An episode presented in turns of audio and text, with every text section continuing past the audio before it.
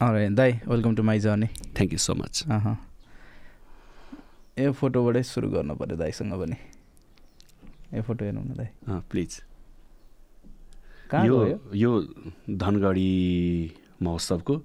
मलाई लाग्छ बहत्तर त्रिहत्तरको फोटो हो बहत्तर त्रिहत्तर भनेको लगभग छ वर्ष सातै वर्ष सातै? वर्ष हजुर। कति होला around forty five thousand forty five हजुर। पैँतालिस हजार दर्शक हुनुहुन्थ्यो त्यतिखेर त्यहाँ। त्यो दिन भन्ने हामी सुन्नमा आएको थियो। यो अन्तिम धनगढी महोत्सव यसै पनि सब सर्वाधिक धेरै मान्छे आउने महोत्सव हो। त्यो मध्ये पनि महोत्सवको अन्तिम दिन शनिबारको दिन परेको थियो। त्यो भएर सायद यति धेरै दर्शक पाएको थिएँ मैले। कतिचोटि जानुभयो धनगढी? याद छ? महोत्सव यही महोत्सवकै अँ, सिलसिलामा। धनगढी महोत्सव म धनगढी महोत्सव सुरु भएको कति भयो थाहा छैन तर म दुई हजार सडसठी सालबाट धनगढी महोत्सवमा पाइला टेक्न थालेको हो। जति बेला मेरा दोहोरी गीतहरू थिए आधुनिक गीतहरू पनि थिएनन्। अनि बिचमा एक दुई वर्ष कतै विदेश जाँदा ग्याप भएको भए भयो। नत्र कुनै वर्ष पनि. छुटाउनुहुन्न कन्टिन्यू बोलाउनु छ यो यत्तिको धेरै मासमा ठ्याक्कै आफू माइक समाएर ट्याक्क अगाडि फर्स्टमा उभिँदा क्या दाइ हजुर अलिकति डर लागेको जस्तो त्यस्तो केही हुन्छ कि हुँदैन फिल? स्वाभाविक रूपमा तपाईँले त्यो बेलाको कुरा गर्नुभयो। अहिले अहिले पनि स्टेजमा अब मेरो पालो आउने बेला भयो भनेपछि। कता कता ढुक ढुक चाहिँ हुन्छ। अहिले पनि हुन्छ? इभन अहिले पनि। अहँ, अहिले पनि अब यति धेरै स्टेज सोहरू गरिन्छ होइन? हजुर। यति धेरै विदेशका। स्वदेशका यति धेरै स्टेज प्रोग्राममा हिँडिन्छ नि। ल अब मेरो पालो आउनु लाग्यो भने चाहिँ एकचोटि ढक्क हुन्छ छाती चाहिँ अहिले पनि अब त्यो बेलामा त त्यो सुरुवाती दिनमा त स्वाभाविक रूपमा म डरभन्दा पनि उत्साह हुन्छ। अब त्यो अब आजभोलि त केही न केही कन्फिडेन्ट लेभल त बढ्यो नै पक्का त्यो त्योभन्दा त बढ्यो नै है। र पनि अब मेरो पालो आउनु लाग्यो भने चाहिँ ढुक्क चाहिँ हुन्छ अहिले पनि ढुक मह्म। ढुक हुन्छ कि ओके यो यत्तिको भाग्य त कमैले पाउँछन् है करिब करिब पचास हजार दर्शकको अगाडि जोस् कहिले कसो पाइन्छ। कमैले पाउँछन् भन्दा नि कहिले। कसो अब कसको भागमा पर्ने कुन कलाकारको भागमा पर्ने हो थाहा हुँदैन होइन। कहिले कसो भाग्य चान्सले चाहिँ यो यो पनि एचिभमेन्ट हो नि एउटा होइन? अँ, यति धेरै दर्शक। यति धेरै दर्शकको बिचमा उभिएर पिक आवरमा पिक टाइममा आफूले गीत गाउन। पाइन्छ। अचिभमेन्ट नै मान्नुपर्छ। ओके सो अब कुराकानी सुरु गरौँ दाइको जन्मबाटै सुरु गरौँ न? मेरो जन्म दुई हजार अडतिस साल। तनहुको तनहु बन्दीपुर झप्री भन्ने ठाउँमा। र जन्मेको मात्रै त्यहाँ। त्यस पछाडि हुर्किन चाहिँ म अब नवलपुरमा। पुर्ख्यौली कहाँ हो? बन्दीपुर तनहु बन्दीपुर झप्री भन्ने तलमा हो। र कहाँ हो तपाईँको घर भन्दा? त्यो हुन त मैले अब त्यहाँ मेरो बाल्यकाल स्मरणै छैन। म डेढ दुई वर्षको उमेरमा हिँडेको अरे। र पनि म तनहुको भन्दा कस्तो रमाइलो लाग्छ। त्यो बन्द त्यो बन्दीपुर तनहु भन्ने कुरा म तनहुको मलाई कहाँ हो नि तपाईँको घर भन्दा म तनहु भन्छु पहिला। तनहु कहाँ भन्न थाल्नुभयो भने म जन्मेको मात्रै त्यहाँ हो। अहिले चाहिँ मेरो नवलपुर काउसोती नगरपालिका। अनि बल्ल पछि ब्रिफिङ दिन्छु त्यो कुरा चाहिँ। यो अहिले प्रशासनिक कामहरू बन्दी तनाउ हुन्छ कि यता नवलपुर? मेरो त सबै नवलपुर। ए यता मैले जन्मेको बसाइ सरेर यता नवलपुर। अब त्यो बसाइ सर्ने क्रममा त अब मेरो बुवा जागिरे हुनुहुन्थ्यो। होइन? जागिरको सिलसिलामा बुवा जता जता जानुभयो त्यतै त्यतै कतै दुई वर्ष कतै पाँच वर्ष कतै चार वर्ष बसियो होला। र जन्मिन चाहिँ म तनहुमै जन्मेको। र मेरो बाल्यकाल जब म पाँच कक्षा छ कक्षादेखि जब नवलपुरमा पढ्न थालेँ त्यस पछाडि मेरो जब नागरिकता मेरो पासपोर्ट सब। सबै कुराहरू नवलपुरबाट भएको छ भनेपछि म नवलपुरकै हो। ओके। जस बुझ्ने स- देखिको समय नवलपुरमै बिताउनु भयो हजुर। ओके। बाल्यकाल चाहिँ कस्तो थियो? त्यस्तै रमाइलो गीत गाउने। चञ्चली स्वभावकै थिएँ अरे। गीत चाहिँ गाइहाल्थेँ अब क्लासमा। एक कक्षा दुई कक्षादेखि नै। पहिल्यै? अँ एक कक्षा दुई कक्षा पढ्दादेखि नै। गीत गाएर कापी कलमहरू पुरस्कार जितिरहेको हुन्थेँ। तर पछि छ कक्षा सात कक्षा आठ कक्षा पुगेपछि अनि त्यसपछि खै अब के भयो? अनि त्यो अगाडि गएर उभिने एकदम डर लाग्ने एकदम काम्ने। एकैचोटि? अँ एकदमै एकदम डर लाग्ने गीत त्यो केही थाहा नहुँदा बरु मैले टन गीत गाएँ तिन चार कक्षासम्म गीत गाएँ त्यसपछि माथिल्लो क्लासमा गए पछाडि अनि गीत गाउनै छोड्ने गीत अलि मैले गुनगुनाउँदा साथीहरूले स्योर यही फर्स्ट हुन्छ। यहीको फर्स्ट हुन्छ भाग अब यो भन्यो अनि साथीहरूले नाम टिपाइदिन्थे भाग लिन्थे। ठ्याक्क मेरो पालो आउने बेला भाग थिएँ। म कहिले पनि प्रतियोगितामा भाग लिने त्यस पछाडि। भाग दिने? भाग दिने। ठ्याक्क मेरो पालो आउने बेला भएपछि भाग दिने। एकदम डर लाग्ने। कस्तो गीत गाउनुहुन्थ्यो त्यति बेला चाहिँ? लोकगीत। देउराली डाँडालाई काटेर गए पनि मदेखि टाढा भई बिरानो भए पनि तिमीलाई पछ्याउने छु हाय हाय पछ्यौरी तानी तानी। मैले जीवनमा पहिलोचोटि गीत गाएर पुरस्कार पाएको एक कक्षामा गाएको गीत यो कहिल्यै पनि बिर्सिन्न यो गीत। है। अरू के के गीत गाएँ थाहा भएन। यो गीत चाहिँ सधैँ मेरो मानस पटलमा छ। याद आइरहेको छ। याद आइरहेको छ यो गीत चाहिँ। कसले गाउनु भएको पनि थाहा छैन। मेरो अग्रज स्रष्टाप्रति मेरो सम्मान छ। यही गीत चाहिँ गाएको थिएँ त्यो अलिक चञ्चले स्वभाव भनिहाल्नु भयो नि त हजुर। बच्चामा। हजुर। त्यस्तो खालको अलिकति साथीभाइ त्यो बच्चा सानै उमेरमा पनि अलिकति उपद्रो गर्ने खालको अलिक कुद्ने खालको बाहिरतिर डुल्ने खालको त्यस्तो खालको कि नाइ खेल्ने। उपद्रो त म कहिले पनि गरिनँ। उपद्रो गरेँ अलि रमाइलो गर्न पनि अलि खेल्न मन पराउने। घुम्न डुल्न खेल्न मन पराउने साथीभाइलाई यसो जम्मा साथीभाइ जम्मा भएर रमाइलो गर्न मन पराउने। अनि त्यो अब त्यो धुन्धकारी काममा चाहिँ लागिएन त्यो नराम्रो काम चाहिँ गरिएन भनौँ बच्चै बच्चैमा पनि। त्यस्तो नराम्रो त्यति बेलाको त्यो साथीहरू आउँछ कोही याद यस्तो टक्क सम्झिँदाखेरि? अब खै सबै बिरानो हुनुभयो। अब आउँछ नि याद त। अब अब त्यो राममन भन्ने ठाउँमा बसेर हामी पैँतालिस मिनट राममन भन्ने ठाउँमा बस्थ्यौँ। बाह्र जिल्लाको जितुरमा पढेको म दुई कक्षा एक कक्षा दुई कक्षा तिन कक्षा जित जितुरमा पढेको बुवाको जागिर सिलसिलामा त्यहाँ हुनुहुन्थ्यो। त्यो बेलामा थियौँ त्यो एक एक दुई कक्षामा पढ्दाखेरि नि त्यो ट्र्याक्टर त्यहाँ त्यहाँ हाम्रो उखु खेती धेरै हुन्थ्यो नि त। अनि स्कुलबाट फर्किने बेलामा त्यो उखु तानेर उखु भा उखु गाडीबाट त्यो ट्र्याक्टरबाट अथवा त्यो गाडाबाट उखु तानेर भाँचेर खाने साथीहरू हुनुहुन्थ्यो। अब ठ्याक्कै एक्ज्याक्ट नाम चाहिँ याद हुँदैन। यो भनेपछि पढाइ तपाईँको फरक फरक ठाउँ फरक फरक- स्कुलहरू। हजुर फरक फरक भयो। याद छ? कति एउटा ठाउँ जति चेन्ज भयो? तिन कक्षासम्म जितपुर। चार कक्षा र पाँच कक्षा शिवमावि कावासती मह्म। नवलपुर अनि छ सात आठ नौ दस एसएलसी जनतामावि विष्णुनगर। काउसुती नगरपालिका नै, काउसुती नगरपालिका नै। वार्ड नम्बर छ। अनि त्यस पछाडि एघार र बाह्र कुमार कुमारवर्ती कलेज एघार बाह्र काउसुती काउसुती नै। काउसुती नै मह्म। ब्याचलर पोखरा पिएन क्याम्पस ठ्याक्कै त्यो पढाइको ठ्याक्कै हेर्दाखेरि त त्यो रुट हेर्दाखेरि त एउटा टुरिस्ट खालकै पढाइ भएछ। यो पढाइको नि कुरा आइहाल्यो। कस्तो पढाइमा चाहिँ तपाईँ अलिक ट्यालेन्ट नै हो कि अलिक ठिक्क ठिक्क मध्यम हो कि? अब्बल नै थिएँ। क्लासमा कहिल्यै सेकेन्ड हुन परेन मलाई। हो र? कहिल्यै सेकेन्ड भइनँ म? कहिले थर्ड कहिले चौथा हुन्थ्यो। फर्स्ट फर्स्ट पनि कहिले पाँचौँसम्म पुग्थेँ तर कहिले सेकेन्ड भइनँ म? फर्स्ट र सेकेन्ड कहिले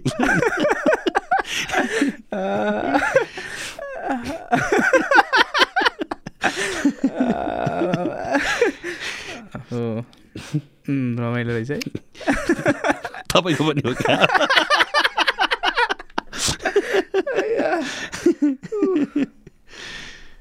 हट आँसु आयो रमाइलो आया भने जस त्यस्तो खतब खालको होइन राम्रै राम्रै खालको। पढाइ राम्रै हो।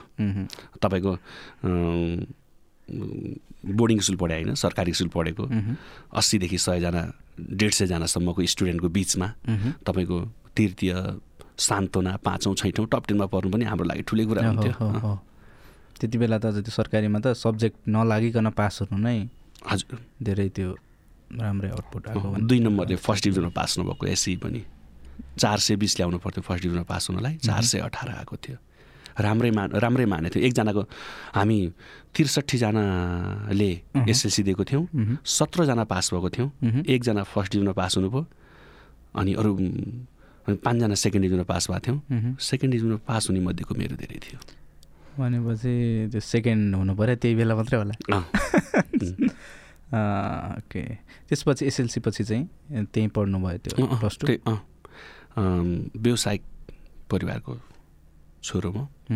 व्यवसाय थियो हाम्रो चाहिँ मिल इभन अहिले पनि स्टिल अहिले पनि अहिले पनि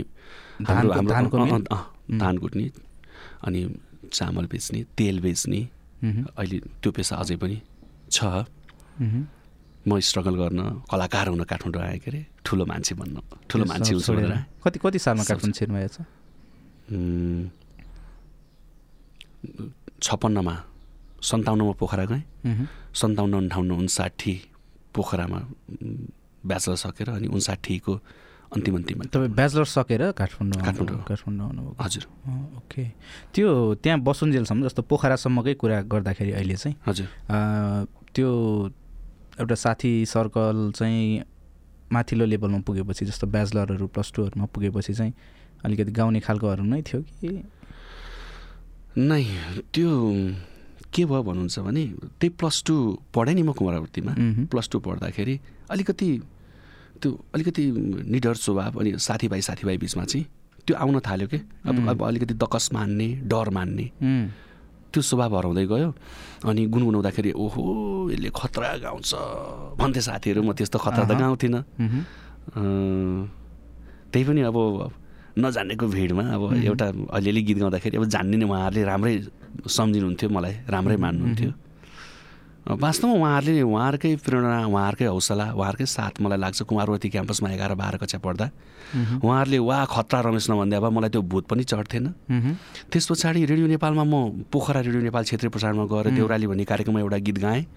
अनि आलीमा बसेर मैले मैले गीत गाएको थियो के गीत गाएको थिएँ भने घर त मेरो कोइला पानी हो कि घर? घर त मेरो कोइला पानीमा बाँचुन्जेल सुख पाइन यो जिन्दगानीमा टाइपको गीत गाएको थिएँ। त्यो चाहिँ अनि आलीमा? अब अँ, आफैले लेखेर। लोकगीत गाएको थिएँ। अनि आलीमा त्यतिखेर त अब यो एफएम भन्ने टेलिभिजन भन्ने अलिक कम नै थियो नि त। हजुरको सन्ताउन्न के अरे पचपन्न छप्पन्नमा त। थिएन नि त अनि त्यस पछाडि आलीमा धान गोड्ने आमाहरू गाउँका। आमाहरू पसलमा रेडियो सुन्ने आमा दिदीबहिनीहरू त्यो गीत. सुनेर रमेश भट्टराईले गीत गायो भनेर सुनेर। अनि मिलमै आएर धेरै प्रशंसा बट्टिलियो धेरै। रुनु मेरो गीत सुनेर रुनुभयो अरे। अलिकति दुःखको गीत गाएको थिएँ। अनि उहाँहरूलाई चाहिँ अब आफूले चिने जानेको मान्छे रेडियोमा गीत गायो भन्दा त्यो खुसीले पनि रुनुभयो मह्म। अनि त्यस पछाडि एक किसिमको कलाकारितामा लाग्छु। अब मैले कलाकारितामा जन्छु होला सक्छु होला भन्ने हिम्मत आयो। अनि। त्यस पछाडि म तिलक बमल्लको असाध्यै फ्यान। परिवेश ब्यान्ड। हरेक गीत परिवेश ब्यान्डका गीत गाउँथेँ सबै। साथीहरूलाई चकित बनाउँथेँ परिवेश ब्यान्डका गीत गाएर। अनि तिलक दाईलाई पनि सुनाएँ रेडियो नेपालमा गएर भेटेँ पोखरा गएर। ल आऊ पोखरीतिर आऊ नि त मैले सकेको हेल्प गर्छु भन्नुभयो। अनि पोखरामा स्टुडियो पनि थियो नि त। गीत रेकर्ड गर्ने स्टुडियो अनि त्यो भएर सबै कुराले सजिलो पनि हुन्छ होला कि भनेर अनि त्यसपछि पिएन क्याम्पस जोइन गरेँ सोचे जस्तो त भएन तर त्यहाँ त्यहाँको बसाइमा पहिलो एल्बम चाहिँ निक्ल्यो। त्यहीँ पोखराबाटै? हजुर पोखराबाटै उन्साठी सालमा पोखरामै रेकर्ड गरेर। त्यो एल्बम त्यहीँबाट रिलिज गरेर अनि उन्साठी सालमै त्यो एल्बम रिलिज भयो। उन्साठी सालमै म काठमाडौँ प्रवेश गरेँ। काठमाडौँ ठ्याक्कै छिर्नुको उद्देश्य चाहिँ के थियो? कलाकार हुन। त्यो पोखरा पनि मोफसल नै रहेछ। कलाकारितामा लाग्छु भन्ने मान्छे। लाई पोखरा पनि मोफसल नै रहेछ। अपर्च्युनिटीहरूको लागि चाहिँ काठमाडौँ नै आउनुपर्ने काठमाडौँ नै आउनुपर्ने अवस्था त्यतिखेर देखियो। किनभने क्यासेट वितरण गर्ने गीत रेकर्ड त गरियो। क्यासेटको बजार व्यवस्थापन गर्नका लागि त क्यासेट कम्पनी खोज्न पर्यो। अहो। त्यसको लागि यहीँ आउनु पर्यो। होइन अब यहाँ यहाँ अब यहाँ कति गल्ली डुलियो अब कति दुःख पायो त्यो पहिलो एल्बम निकाल्न त्यो सीमा नै छैन कि त। त्यहाँ काठ उता पोखरामा निकालेको चाहिँ कतिवटा गीत थियो? पहिला एउटा गीत रेकर्ड गरेँ. सुपर हिट भयो। मेरो आदरणीय दर्शकहरू श्रोताहरू पनि अहिले सुन्न अचम्म मान्नुहुन्छ होला। मैले तिमीलाई चाहेर पनि तिम्रो साथ पाउन सकिन। मैले तिम्रो साथ पाउन सकिन। मेरो जीवनको पहिलो रेकर्डेड गीत हो यो। यो तपाईँकै हो? हजुर मैले सुरुमा आंशिक सफलता मिल्यो। यही गीत फेरि पछि दुई हजार सडसठी सालमा फेरि रिरेकर्ड गरेँ।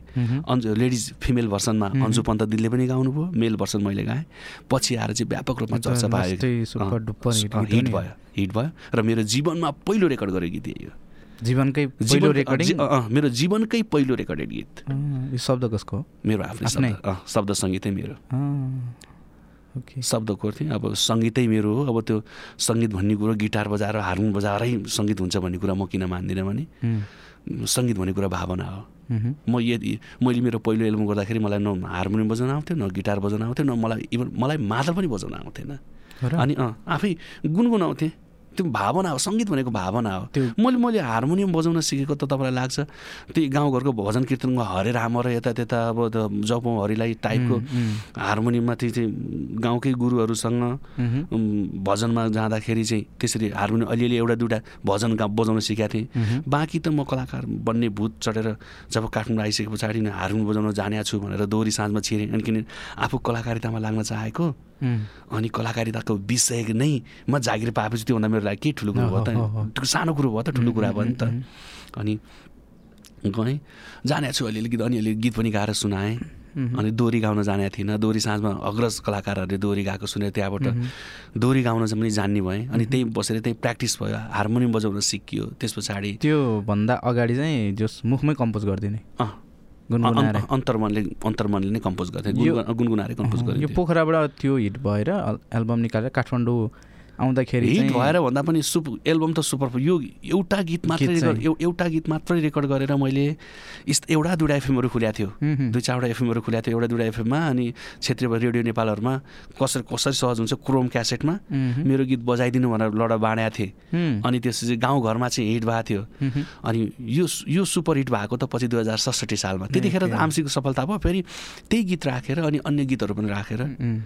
अनि त्यस पछाडि त्यो एल्बम निकालेको थिएँ। एल्बम त सुपर फ्लप भयो। यो काठमाडौँ छिर्दाखेरि जस्तो त्यो तपाईँ उता पोखराबाट यता आउनुभयो? हजुर कस्तो थियो फ्यामिलीको सपोर्टहरू त्यति बेला? म्युजिकमा। जाँदैछु भन्ने। थिएन। फिटी केही केही पोखरा जाँदाखेरि नै मन पराउनु भएको थिएन। यहीँ यहीँ राम्रै पढिरहेको थिइस् यहीँ राम्रो गरिरहेको थिइस् बिग्रिने भइस्। भन्ने कुरा भयो। भविष्य देखिन्थेन। कलाकारितामा भविष्य अब अभिभावकहरूले भविष्य देख्नु भएन कि कलाकारितामा। मैले भनिसकेँ त एउटा व्यावसायिक परिवारको मान्छे। छोरा व्यवसाय गरोस् अथवा एउटा राम्रो ठुलो व्यवसाय बनोस्। राम्रो गरोस् अथवा राम्रो पढोस् भन्न त बुवाले आर्मीको मेजर बनाउनु मन छ। भन्नुहुन्थ्यो नि बुवाले त मलाई भन्न त। अन्त ती सबै सपनाहरू टुक्राइयो भनौँ न अब आफ्नो खुसीका लागि। मै सन्तोष छैन मै मै खुसी छैन। भनेपछि मैले मेरो परिवारलाई कसरी खुसी राखेँ मेरो बुवा आमालाई कसरी खुसी बनाउन सक्दो रहेछु त नि? त्यो बुवा आमालाई खुसी बनाउनु पहिला त म आफू आफू खुसी हुनु पर्यो होइन? म खुसी भए पो मेरो परिवार खुसी बनाउन सक्छ नि। अनि ती सबै कुराहरू लत्याएर जे पर्छ विद्रोह। गरेर आइयो। अँ, विद्रोह गरेर। काठमाडौँमा बाबु को- आमालाई टुक्राएर को आयो हुनुहुन्थ्यो काठमाडौँमा? कोही न कोही। यत्तिकै? यत्तिकै एक्लै। बुवा आमाको कुरा आइहाल्यो है। हजुर। उहाँहरू हुनुहुन्छ होइन? हजुर। ठ्याक्कै अहिले चाहिँ के भन्नुहुन्छ? खुसी हुनुहुन्छ आमा। आमा खुसी हुनुहुन्छ। बुवाको मौन स्वीकृति छ। मौन? स्वीकृति भन्नाले अब अब तपाईँको एकहत्तर बहत्तरसम्म त त्यतिखेरसम्म त अझै पनि स्ट्रगल फेजमै थिएँ म। मेरो सडसठी सालमा त्यो collection album super super hit भइसकेर अलिअलि पैसा कमाउनु पनि थालिसकेका थिएँ। दुई तिनवटा तिनवटा ती देश पनि गइसकेका थिएँ। बबालो भन्ने गीत सत्तरी सालमा चलेपछि दुई तिनवटा देश पनि गएँ। अनि त्यसलाई मैले चाहिँ भयङ्कर सफलता मानिरहेको थिएँ। त्यो त्यति पनि सोचेको थिइनँ नि त। एउटा दोहोरी साँझमा काम गर्दै गरेको केटो बाह्र पन्ध्र हजार तलबमा सुरुमा त पैँतिस सयबाट सुरु गरेँ हो। अनि दुई तिनवटा गीत चलेर अनि अब बहराइनमा दोहोरी साँझमै दुई हजार त्रिसठी सालमा बहराइनमा दोहोरी साँझमै गीत गाउन जाने अवसर मिल्यो। त्यतिखेरै मैले त्यो तिन महिना दोहोरी गाउँदा त्यतिखेर डेढ दुई लाख रुपियाँ कमाएको थिएँ। त्यो बेलामा राम्रै कमायो क्या त्यो। त्यसपछि दुबईमा दोहोरी साँझमै फेरि पाँच महिना गीत गाउन गएँ यहाँको नीति दोहोरी साँझमा। त्यतिखेर नि राम्रै कमाएर ल्याएको थिएँ मैले पैसा। राम्रै भन्दा आठ दस लाख रुपियाँ कमाएको थिएँ। त्यतिखेर त मेरो यो सडसठी अडसठी सालमा दुबई गएको त्यो दोरी साँझमा। सडसठी सालमा कलेक्सन एल्बम हिट भइसकेको थियो। त्यो कलेक्सन एल्बम उसले जति माया तिमीलाई मैले पनि दिन्थेँ होला मैले तिमीलाई चाहेर पनि सँगै जिउने बाचा गरी सपना देखाइ नाना थरी यी कलेक्सन एल्बमहरू विभिन्न कलाकारले गाउनु भएको कलेक्सन एल्बम थियो। त्यो कलेक्सन एल्बमको सिडी पनि लिएर गएको थिएँ अनि त्यो दोरी साँझमा गीत गाएको तलबभन्दा मैले सिडी बेचेर? सिडी बेचेर धेरै पैसा कमाएँ। भनेपछि बहत्तरसम्म त्यति फेजमा आइपुग्दा पनि बुवाको चाहिँ आंशिक खुसी थियो त्यस्तो। थिएन अझै पनि क्यारे छ र भन्ने टाइपको थियो। अब अहिले त जस राम्रै मान्नुहुन्छ यसो सहयोग चाहिँदा पनि बुवा सामाजिक व्यक्तित्व पनि हो। राजनैतिक व्यक्तित्व पनि हो। र कतै मेरो अनुहार बिग्ने ठाउँमा मेरो बोली बिग्ने ठाउँमा गुहार माग्नुहुन्छ बाबु आउँछस् र यसो भनिदिन्छस् र भनेर भन्नुहुन्छ। अब मलाई त मेरो बुवाले त्यो भन्दाखेरि त त्योभन्दा योभन्दा ठुलो कुरो मेरो लागि के हुन्छ र? कलाकारितामा लागेर बिग्रियो छोरो। बिग्रिन्छ। सिद्धिन्छ भनेको बुवाले अब आज मसँग त्यति सानो सानातिना कुरामा पनि मसँग साथ माग्नु हुँदाखेरि चाहिँ अब अहिले चाहिँ रमा एकदम आनन्द लाग्छ एकदम खुसी लाग्छ। त्यो त्योभन्दा ठुलो कुरा के हुन त्यो सक्छ? भन्दा अब मेरो उपलब्धि योभन्दा ठुलो केही पनि हुन। सक्दैन। अरू कुरा त कमाइएला थपिँदै जाला होइन? जाला त्यो त अब मान्छे चर्चाको भोको हुन्छ। होइन र? नामको भोको हुन्छ। म पनि नामको भोको हो। र म मेरो सिर्जनाहरू चले अनुसारको मलाई मेरो आफ्नो नाम अझै पनि चलेको जस्तो फिल लाग्दैन मलाई। अझै पनि लाग्दैन त्यही भएर मिहिनेत गर्दैछु। हेरौँ। अब करियर कहाँसम्म पुग्छ? त्यो ठ्याक्कै काठमाडौँ आउनेसम्म हामीले कुरा गऱ्यौँ होइन? हजुर। काठमाडौँ आएर चाहिँ अनि के गर्नुभयो? काठमाडौँ छिरियो नागढुङ्गा क्रस भयो अनि? नागढुङ्गा क्रस गरियो। पोखरामा बस्दाखेरि नै मसँगै नौ र दस पढ्ने मेरो केशव भन्ने साथी हुनुहुन्थ्यो। थर एक्ज्याक्ट थाहा भएन भने कमल दाई भन्ने हुनुहुन्थ्यो। उहाँहरूले त्यतिखेर काठमाडौँमा दोरी फर्स्ट हुन थालेको थियो। मलाई लाग्छ उहाँहरूले त्यो दोरी खोल्दा त्यो दोरी काठमाडौँको पन्ध्रौँ सोह्रौँ नम्बरमा पुगिसकेको थियो। दोरी फ- एकदम दोरी एकदम फस्टाउँदो रूपमा थियो कि। उन्साठी सालको कुरा। अनि मैले गीत निकालेपछि अनि अब रमेश भट्टराईले अब साथी अब उहाँहरूको सब अब दोरी साँझ खोल्ने भन्ने बित्तिकै कलाकारको कुरो आयो। कलाकार उहाँको सबभन्दा नजिकको ठान्नुभयो मलाई ठान्नुभयो। लौ न कलाकार व्यवस्थापन गरिदिनु पऱ्यो र तिमी पनि यहीँ गाउनु पऱ्यो अनि मलाई त अनि त्यसपछि आँखा नदेख्नेलाई तँलाई आँखा दिन्छु। खुट्टा नचल्नेलाई तँलाई म खुट्टा चल्ने बनाइदिन्छु भने जस्तो हो नि त मैले त। होइन अब काठमाडौँमा कसरी टिकाउँ भने अब काठमाडौँ जाँदैछु भने मानसिकता बनाएको काठमाडौँमा कहाँ गएर के गर्ने टुङ्गो नभएको। उहाँहरूले दोरी साँझमा दोरी साँझमा जागिरको तपाईँ पनि गर्नुहोस् कलाकार कलाकार पनि कलाकारहरू पनि खोज म्यानेज गरिदिनुहोस् भनेपछि हस् भनेर त्यसपछि लट्री नै पऱ्यो दौडिहालेँ। अनि मेरो पहिलो सङ्गीत पाठा पाठशाला मान्छु त्यो दोरीलाई सगरमाथा दोरी साँझ त्यो बाग बजारमा। ठ्याक्कै श्रेष्ठ टेलरिङ अगाडिपट्टि तेस्रो तलामा। मेरो सङ्गीतको पहिलो पाठशाला नै त्यही हो मेरो पहिलो गुरु नै त्यही हो जहाँ मैले हार्मोनियम बजाउन पनि राम्रोसँग सिकेँ। दोहोरी गाउन पनि त्यहीँबाट सिकेँ। त्यसपछि त्यहाँ पैँतिस सयमा जागिर गर्ने मान्छे अर्को दोहोरीले मलाई एकदम राम्रो मान्यो। म उद्घोषण कलामा पनि त्यो दोहोरी साँझमा आएका गेस्टहरूलाई उद्घोषण गरेर उहाँहरूलाई मक्ख बनाउने।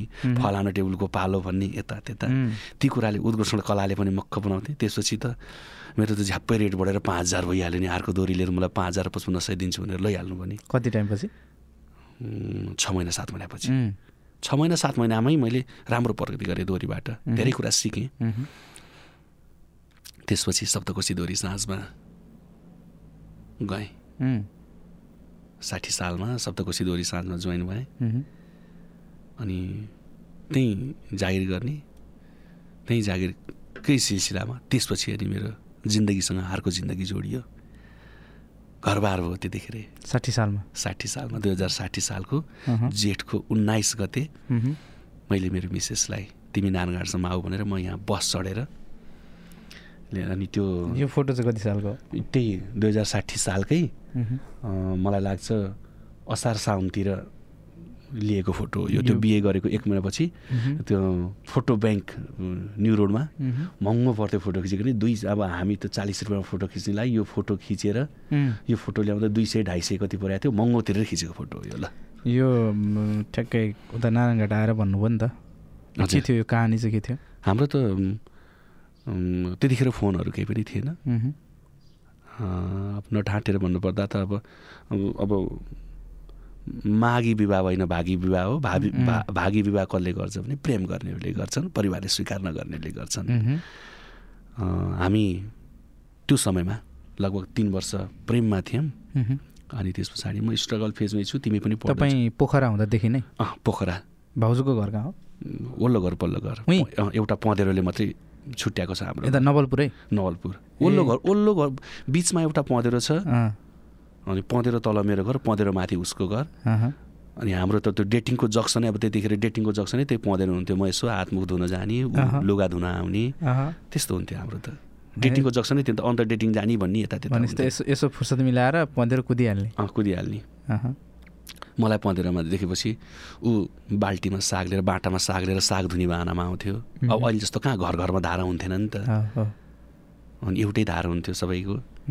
साझा धारा हुन्थ्यो त्यही धारामा हाम्रो भेटघाट गर्थ्यौँ आधा घन्टा गफगाफ गर्थ्यौँ। ढिलो ढिलो लुगा धुन्थेँ मैले आफ्नो लुगा पनि। धेरै गफ पाइन्छ भनेर। अनि एकदम रमाइलो कहानी छ। त्यसपछि? अनि घर परिवारलाई थाहा भयो स्वीकार्नु भएन। अनि हामी किन? स्वीकार्नु भएन अब हामी बिच यसै पनि राम्रो रिलेसन छ। वल्लो घर पल्लो घर भएपछि स्वाभाविक रूपमा रिलेसन त अब छिमेकी त गाउँघरमा यहाँ काठमाडौँ जस्तो होइन नि त। यहाँ त वल्लो कोठाकोले पल्लो कोठालाई त पुक्कालाई पनि चिन्दैन। त्यहाँ त वास्ता हुँदैन। वास्ता हुँदैन। अब त्यहाँ त अब एउटा पुरै गाउँको नै एउटा परिवार जस्तो हुन्छ क्या। आपतमा विपदमा सुखमा दुःखमा जतिखेर पनि। हामी यसै यति नै नजिक छौँ। यो सम्बन्ध जोड्न मिल्दैन जोडिँदैन भन्नुभयो। अब त्यहाँ विविध कारण होला। अब त्यतिखेर सायद मेरो गरिबीको कारण थियो होला। मेरो भविष्य केही पनि थिएन त्यतिखेर। अब मलाई त्यो लायक मान्नु भएन होला। अथवा मेरो परिवारले पनि अब हुँदैन हुँदै हुँदैन त्यो घरमा। हामी जोडिनु हुँदैन भनेर दबाब आयो त्यस पछाडि अनि हामीले छुट्ने निर्णय गऱ्यौँ तर केही समयका लागि केही समय केही समयका लागि। ल अब तिमी तिम्रो पढाइ कम्प्लिट गरेर तिमी बाह्र सक। म पनि काठमाडौँमा स्ट्रगल गरेर केही न केही। हाम्रो गुजारा चलाउने एउटा जागिरसम्म गर्न सकेँ भने। तिमीलाई तिम्रो अप्ठ्यारोमा म जतिखेर छु। होइन त्यही भएर अब यो चिठी आदान प्रदान बोल्न चाहिँ बन्द गरिदिउँ तिमी पढाइ कन्टिन्यू गर। भनेपछि एक वर्ष डेढ वर्ष हामी मौन बस्यौँ। एकले अर्कालाई नचिने जस्तै अब सम्बन्ध टुटेको जस्तै हिसाबले बस्यौँ। साइलेन्ट। साइलेन्ट बस्यौँ। कुराकानी नै हुन्थेन। हाम्रो। कुराकानी नै हुन्थेन। चिठी अब त्यतिखेर त हाम्रो चिठी त हो। चिठी हो। म कहिले चिठी लिएर पँधेरोमा छोड्न जान्थेँ। कहिले उसकै घरमै जान्थेँ चिठी लिएर छोड्न। अनि अघिल्लो दिन छोड्न जान्थेँ भोलिपल्ट रिप्लाई नै लिन जान्थेँ। लिनु पनि आफै? जानु पऱ्यो नि त नि। अनि साइलेन्ट बस्यौँ त्यस पछाडि उसको घरमा अनि अब बिहेको कुरो चल्न लागेको छ कि? यता मसँग प्रेम भएपछि अब के हो भनेर बिहेको कुरो चल्न लागेको छ ऊ सत्र वर्षको थियो। म बाइस टेकेको थिएँ भर्खर। ल बिहे गरौँ भनेर अनि त्यसपछि ल मेरो बाह्र सकियो इक्जाम सकियो अब म आउँछु तपाईँसँग आउँछु। उम्, भन्यो ल आऊ त्यस भए भनेर नारायणघाट बोलाएर अनि त्यहाँबाट लिएर आएँ। अनि यहाँ त्यति दिनसम्म पुतली सडकमा साथी तिनजना साथी मिलेर बस्थ्यौँ। उम्, सप्तकोशी दोहोरी साँझमा काम गर्थेँ। उम्, पचपन्न सय तलब थियो अनि पचास सय रुपियाँ चाहिँ पचास सय डेढ सय रुपियाँ टिप्स पर्थ्यो। त्यसपछि new era boarding school Saraswati Nagar कपनमा लगभग कति त्यतिखेर पाँच हजारको जागिर थियो। म्युजिक टिचर भइसकेको थिएँ म। हार्मोनियम सिकाउने बच्चाहरूलाई हार्मोनियम सिकाउने वार्षिक उत्सवको लागि गीतहरू तयार गरिदिने। राष्ट्रिय गीतहरू तयार गरिदिने। दुईतिर थियो काम? दुईतिर बेलुका राति दोहोरीमा। दिउँसो स्कुलमा थियो। मोटामोटी दस बाह्र हजारको कमाइ बाह्र पन्ध्र हजारको कमाइ लगभग लगभग भइसकेको थियो त्यतिखेर। साठी सालमा। अनि त्यही सिफलमा रुम लिएर अनि त्यही दोहोरी साँझको कमल दाई भन्नेलाई दोहोरी साँझको ओनरलाई दाइ म त बिहे गर्न लागेको। श्रीमती लिन जान लागेको मलाई यो कोठामा के के चाहिन्छ तपाईँले ल्याएर राखिदिनुहोस् न फर्निचरहरू यता के के चाहिन्छ फर्नि अनि दाइले म उसलाई उता लिन गएँ बिहान। बेलुकाले आउँदाखेरि दाइले सोफा टिनको दराज अनि एउटा किचन ऱ्याक त्यसपछि ग्यास अनि पलङ बेडसेट सबै कार्पेट सार्पेट सबै सेटिङ गरेर ठिक्क बनाएर राखिदिनु भएको रहेछ। त्यतिसम्म सहयोग। एउटै कोठा सिफलमा एउटै कोठामा एउटा कोठा लिएको थियौँ। प्लास्टर नगरेको घर थियो। अनि त्यतिखेर कोठा खोज्दा खोज्दा नपाएर सोह्र सयमा त्यो कोठा पाइयो र अनि अपरचट भयो कि उसले फोन गरेको चार दिनपछि पाँच दिनपछि कोठा खोजेर अनि लिन गएको उम्, अनि त्यस पछाडि यता अनि त्यसपछि बल्ल कहानी सुरु भयो दुःखका दिन पनि सुरु भयो। अब बल्ल सुरु भयो दुःख? त्यसपछि बल्ल। दुःख त अब त्यो बिचमै पनि अब कति भयो भयो। त्यो क्यासेट निकाल्ने क्रममा कसैले क्यासेट ननिकालिदिएर त्यो पहिलो क्यासेट निकाल्ने बेलामा पनि बेसरी दुःख पाएको। त्यसको लगानी चाहिँ कसरी भयो त? म पढाउँथेँ अर्घाउँ चोकमा पढाउँथेँ। पोखरामा। पोखरामा। मैले new era boarding school Pokhara अघि मैले चाहना एकाडेमीमा मैले त्यो टिचर मैले स्कुल भुलेछु। चाहना यता। यता। सरस्वती नगर मैले म्युजिक टिचर गरेको Chahana academy Saraswati Nagar. New era boarding school Argaun चोक। ए। न्यु एरा बोर्डिङ स्कुलमा म पढाउँथेँ। त्यो पढाएको अलिकति त्यस पछाडि दिदी भिनाजुले अलिअलि गीत निकाल्यो भने सहयोग साथीभाइले अलिअलि। दुई पाँच हजार सहयोग गरेर त्यतिखेर खर्च नै तिस हजारमा एल्बम तयार भएको थियो। त्यति बेला त अडियो मात्रै अडियो मात्रै। चलन थियो। भिडियो सिडियो थिएन। तिस हजारमा सबै अडियो फेवा डिजिटलमा रेकर्डिङ भएको। तिस हजारमा आठवटा गीत तयार गरेको थिएँ। यो अनि यता यता के भयो भाउजू? आइसकेपछि कसरी अगाडि बढ्यो? अभावै अभाव त्यसपछि? यता टाल्यो। यता पुग यता उध्रिन्छ यता टाल्यो उता उध्रिन्छ। उहुँ। अनि त्यस पछाडि सपनाहरू टुट्दै टुट्दै गए निराश हुँदै गए। हौसला दिने उही मात्र थियो। हुन्छ नहातिनुहोस् भन्ने उही मात्र थियो। उही पनि घरिघरि रोइदिन्थ्यो। ऊ पनि घरिघरि डाँको छोडेर रुन्थ्यो है। होपलेस हुन्थेँ म पनि कति कति एकदमै हुन्थेँ। अब त्यो अचम्म लाग्छ होला। अब त्यो पछि पछि त्यो कहिलेकाहीँ दोहोरीले समयमा तलब नदिँदा। अब त्यो पसलबाट खाएको त्यो आलुको चामलको पैसा तिर्नु नि एकदम अभाव हुन्थ्यो। ढोकाको कुनामा लुकेर आ अहिले हुनुहुन्न बेलुका आउनुहुन्छ भनिदेऊ भन्नुपर्ने अवस्था थियो। त्यस्तोसम्म? अँ त्यतिसम्म थियो नि त। गाह्रो थियो। अब दोहोरी साँझले भनेको समयमा तलाउनु हुँदाखेरि आउँदैछ भन्दाखेरि पनि कहिले आउँछ कहिले आउँछ? भन्ने उम्. थर्को नि टाइपको थियो। एक्लै हुँदा पो जसले बोलाएर जता गएर खाँदा पनि त्यसपछि। दुईजना भएपछि त घरमै पकाउनु पऱ्यो घरमै खानु पऱ्यो सकेसम्म मिठो खाम भन्ने हुन्थ्यो भर्खर भर्खर बिहे भएको भर्खर भर्खर बिहे भएको। अनि त्यतिसम्मको अभाव पनि मैले झेलेको छु अनि त्यतिसम्मको उसको साथ पनि पाएको छु मैले त्यो मलाई मेरो अभावमा।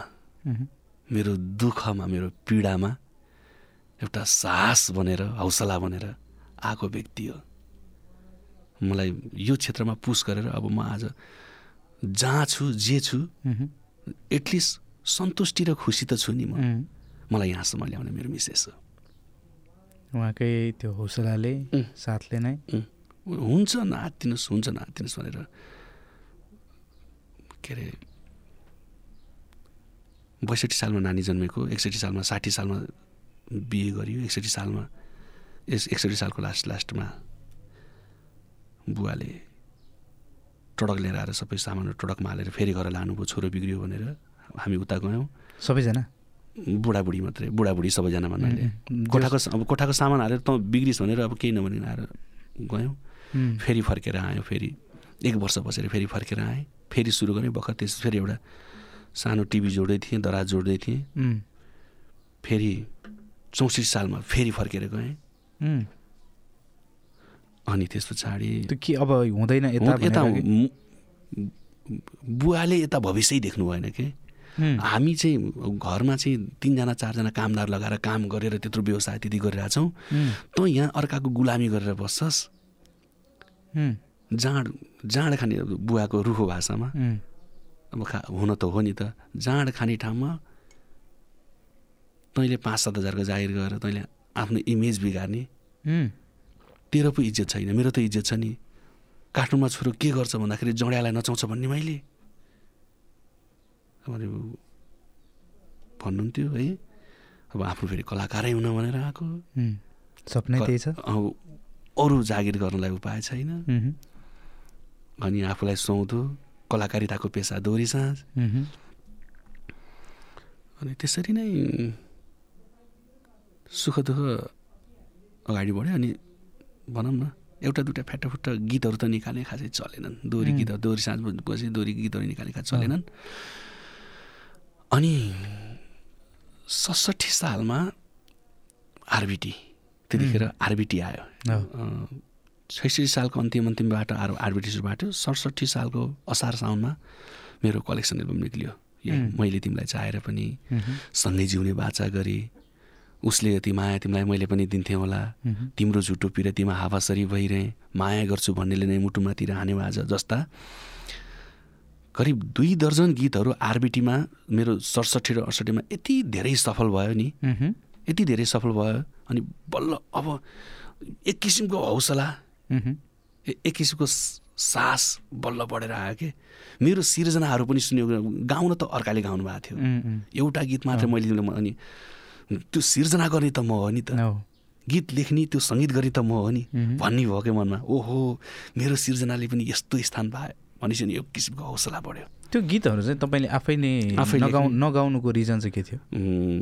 आत्मविश्वास नभएको मलाई। म आधुनिक गीत गाउन सक्छु मेरो आधुनिक गीत गाउन स्वर राम्रो छ अथवा मैले आधुनिक गाएर हुन्छ भनेर आत्म म दोहोरी गाउने मान्छे दो त्यो सुरुको त्यो त्यो त त्यत्तिकै लैबरी लै नै भयो नि पहिलो त त्यत्तिकै त्यो न सिकेको न सुरको ज्ञान छ न तालको ज्ञान छ केही न केही त बिना ज्ञानको त्यत्तिकै गुनगुनाएर निकालेको एल्बम। जब बिस्तारै सङ्गीतको ज्ञान हुँदै गएपछि है यो गीत त मैले गाउनु हुँदैन यो गीत त मैले गाएको राम्रो भएन भने त्यो फिल गर्न सकेँ नि त मैले। मलाई थाहा भयो नि त मैले यो गीत गाएर भयो भने यो गीत त अझै राम्रो हुन्छ। मैले यो गीत फलानाले दिएँ भने अझै राम्रो न्याय।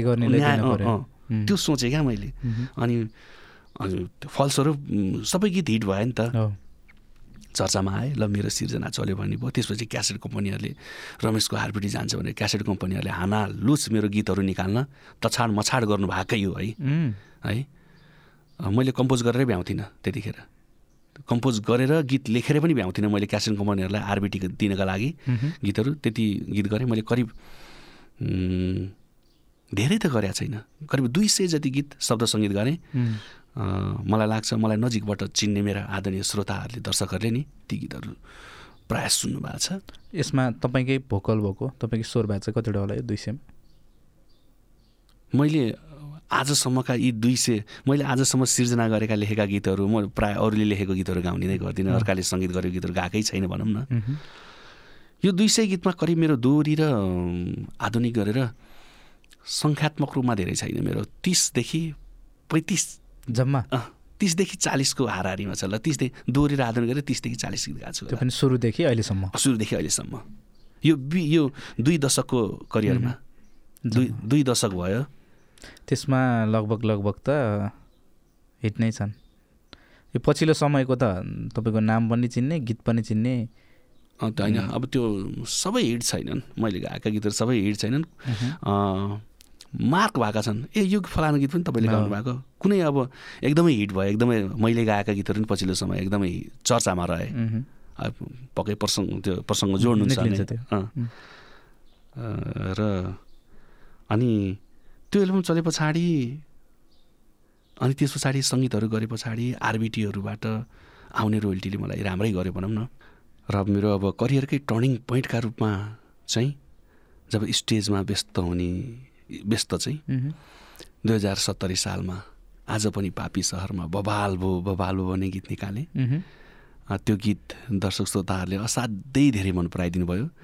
त्यस पछाडि स्वदेश तथा विदेशका कार्यक्रमहरूमा पनि अलिअलि मलाई माग गर्न थाल्नुभयो बोलाउन थाल्नुभयो स्टेज प्रोग्रामहरूमा व्यस्त हुन थालेँ। ठ्याक्कै भन्नुपर्दा यो तपाईँको टर्निङ पोइन्ट। अब चाहिँ मेरो- मलाई सङ्गीतले पाल्छ।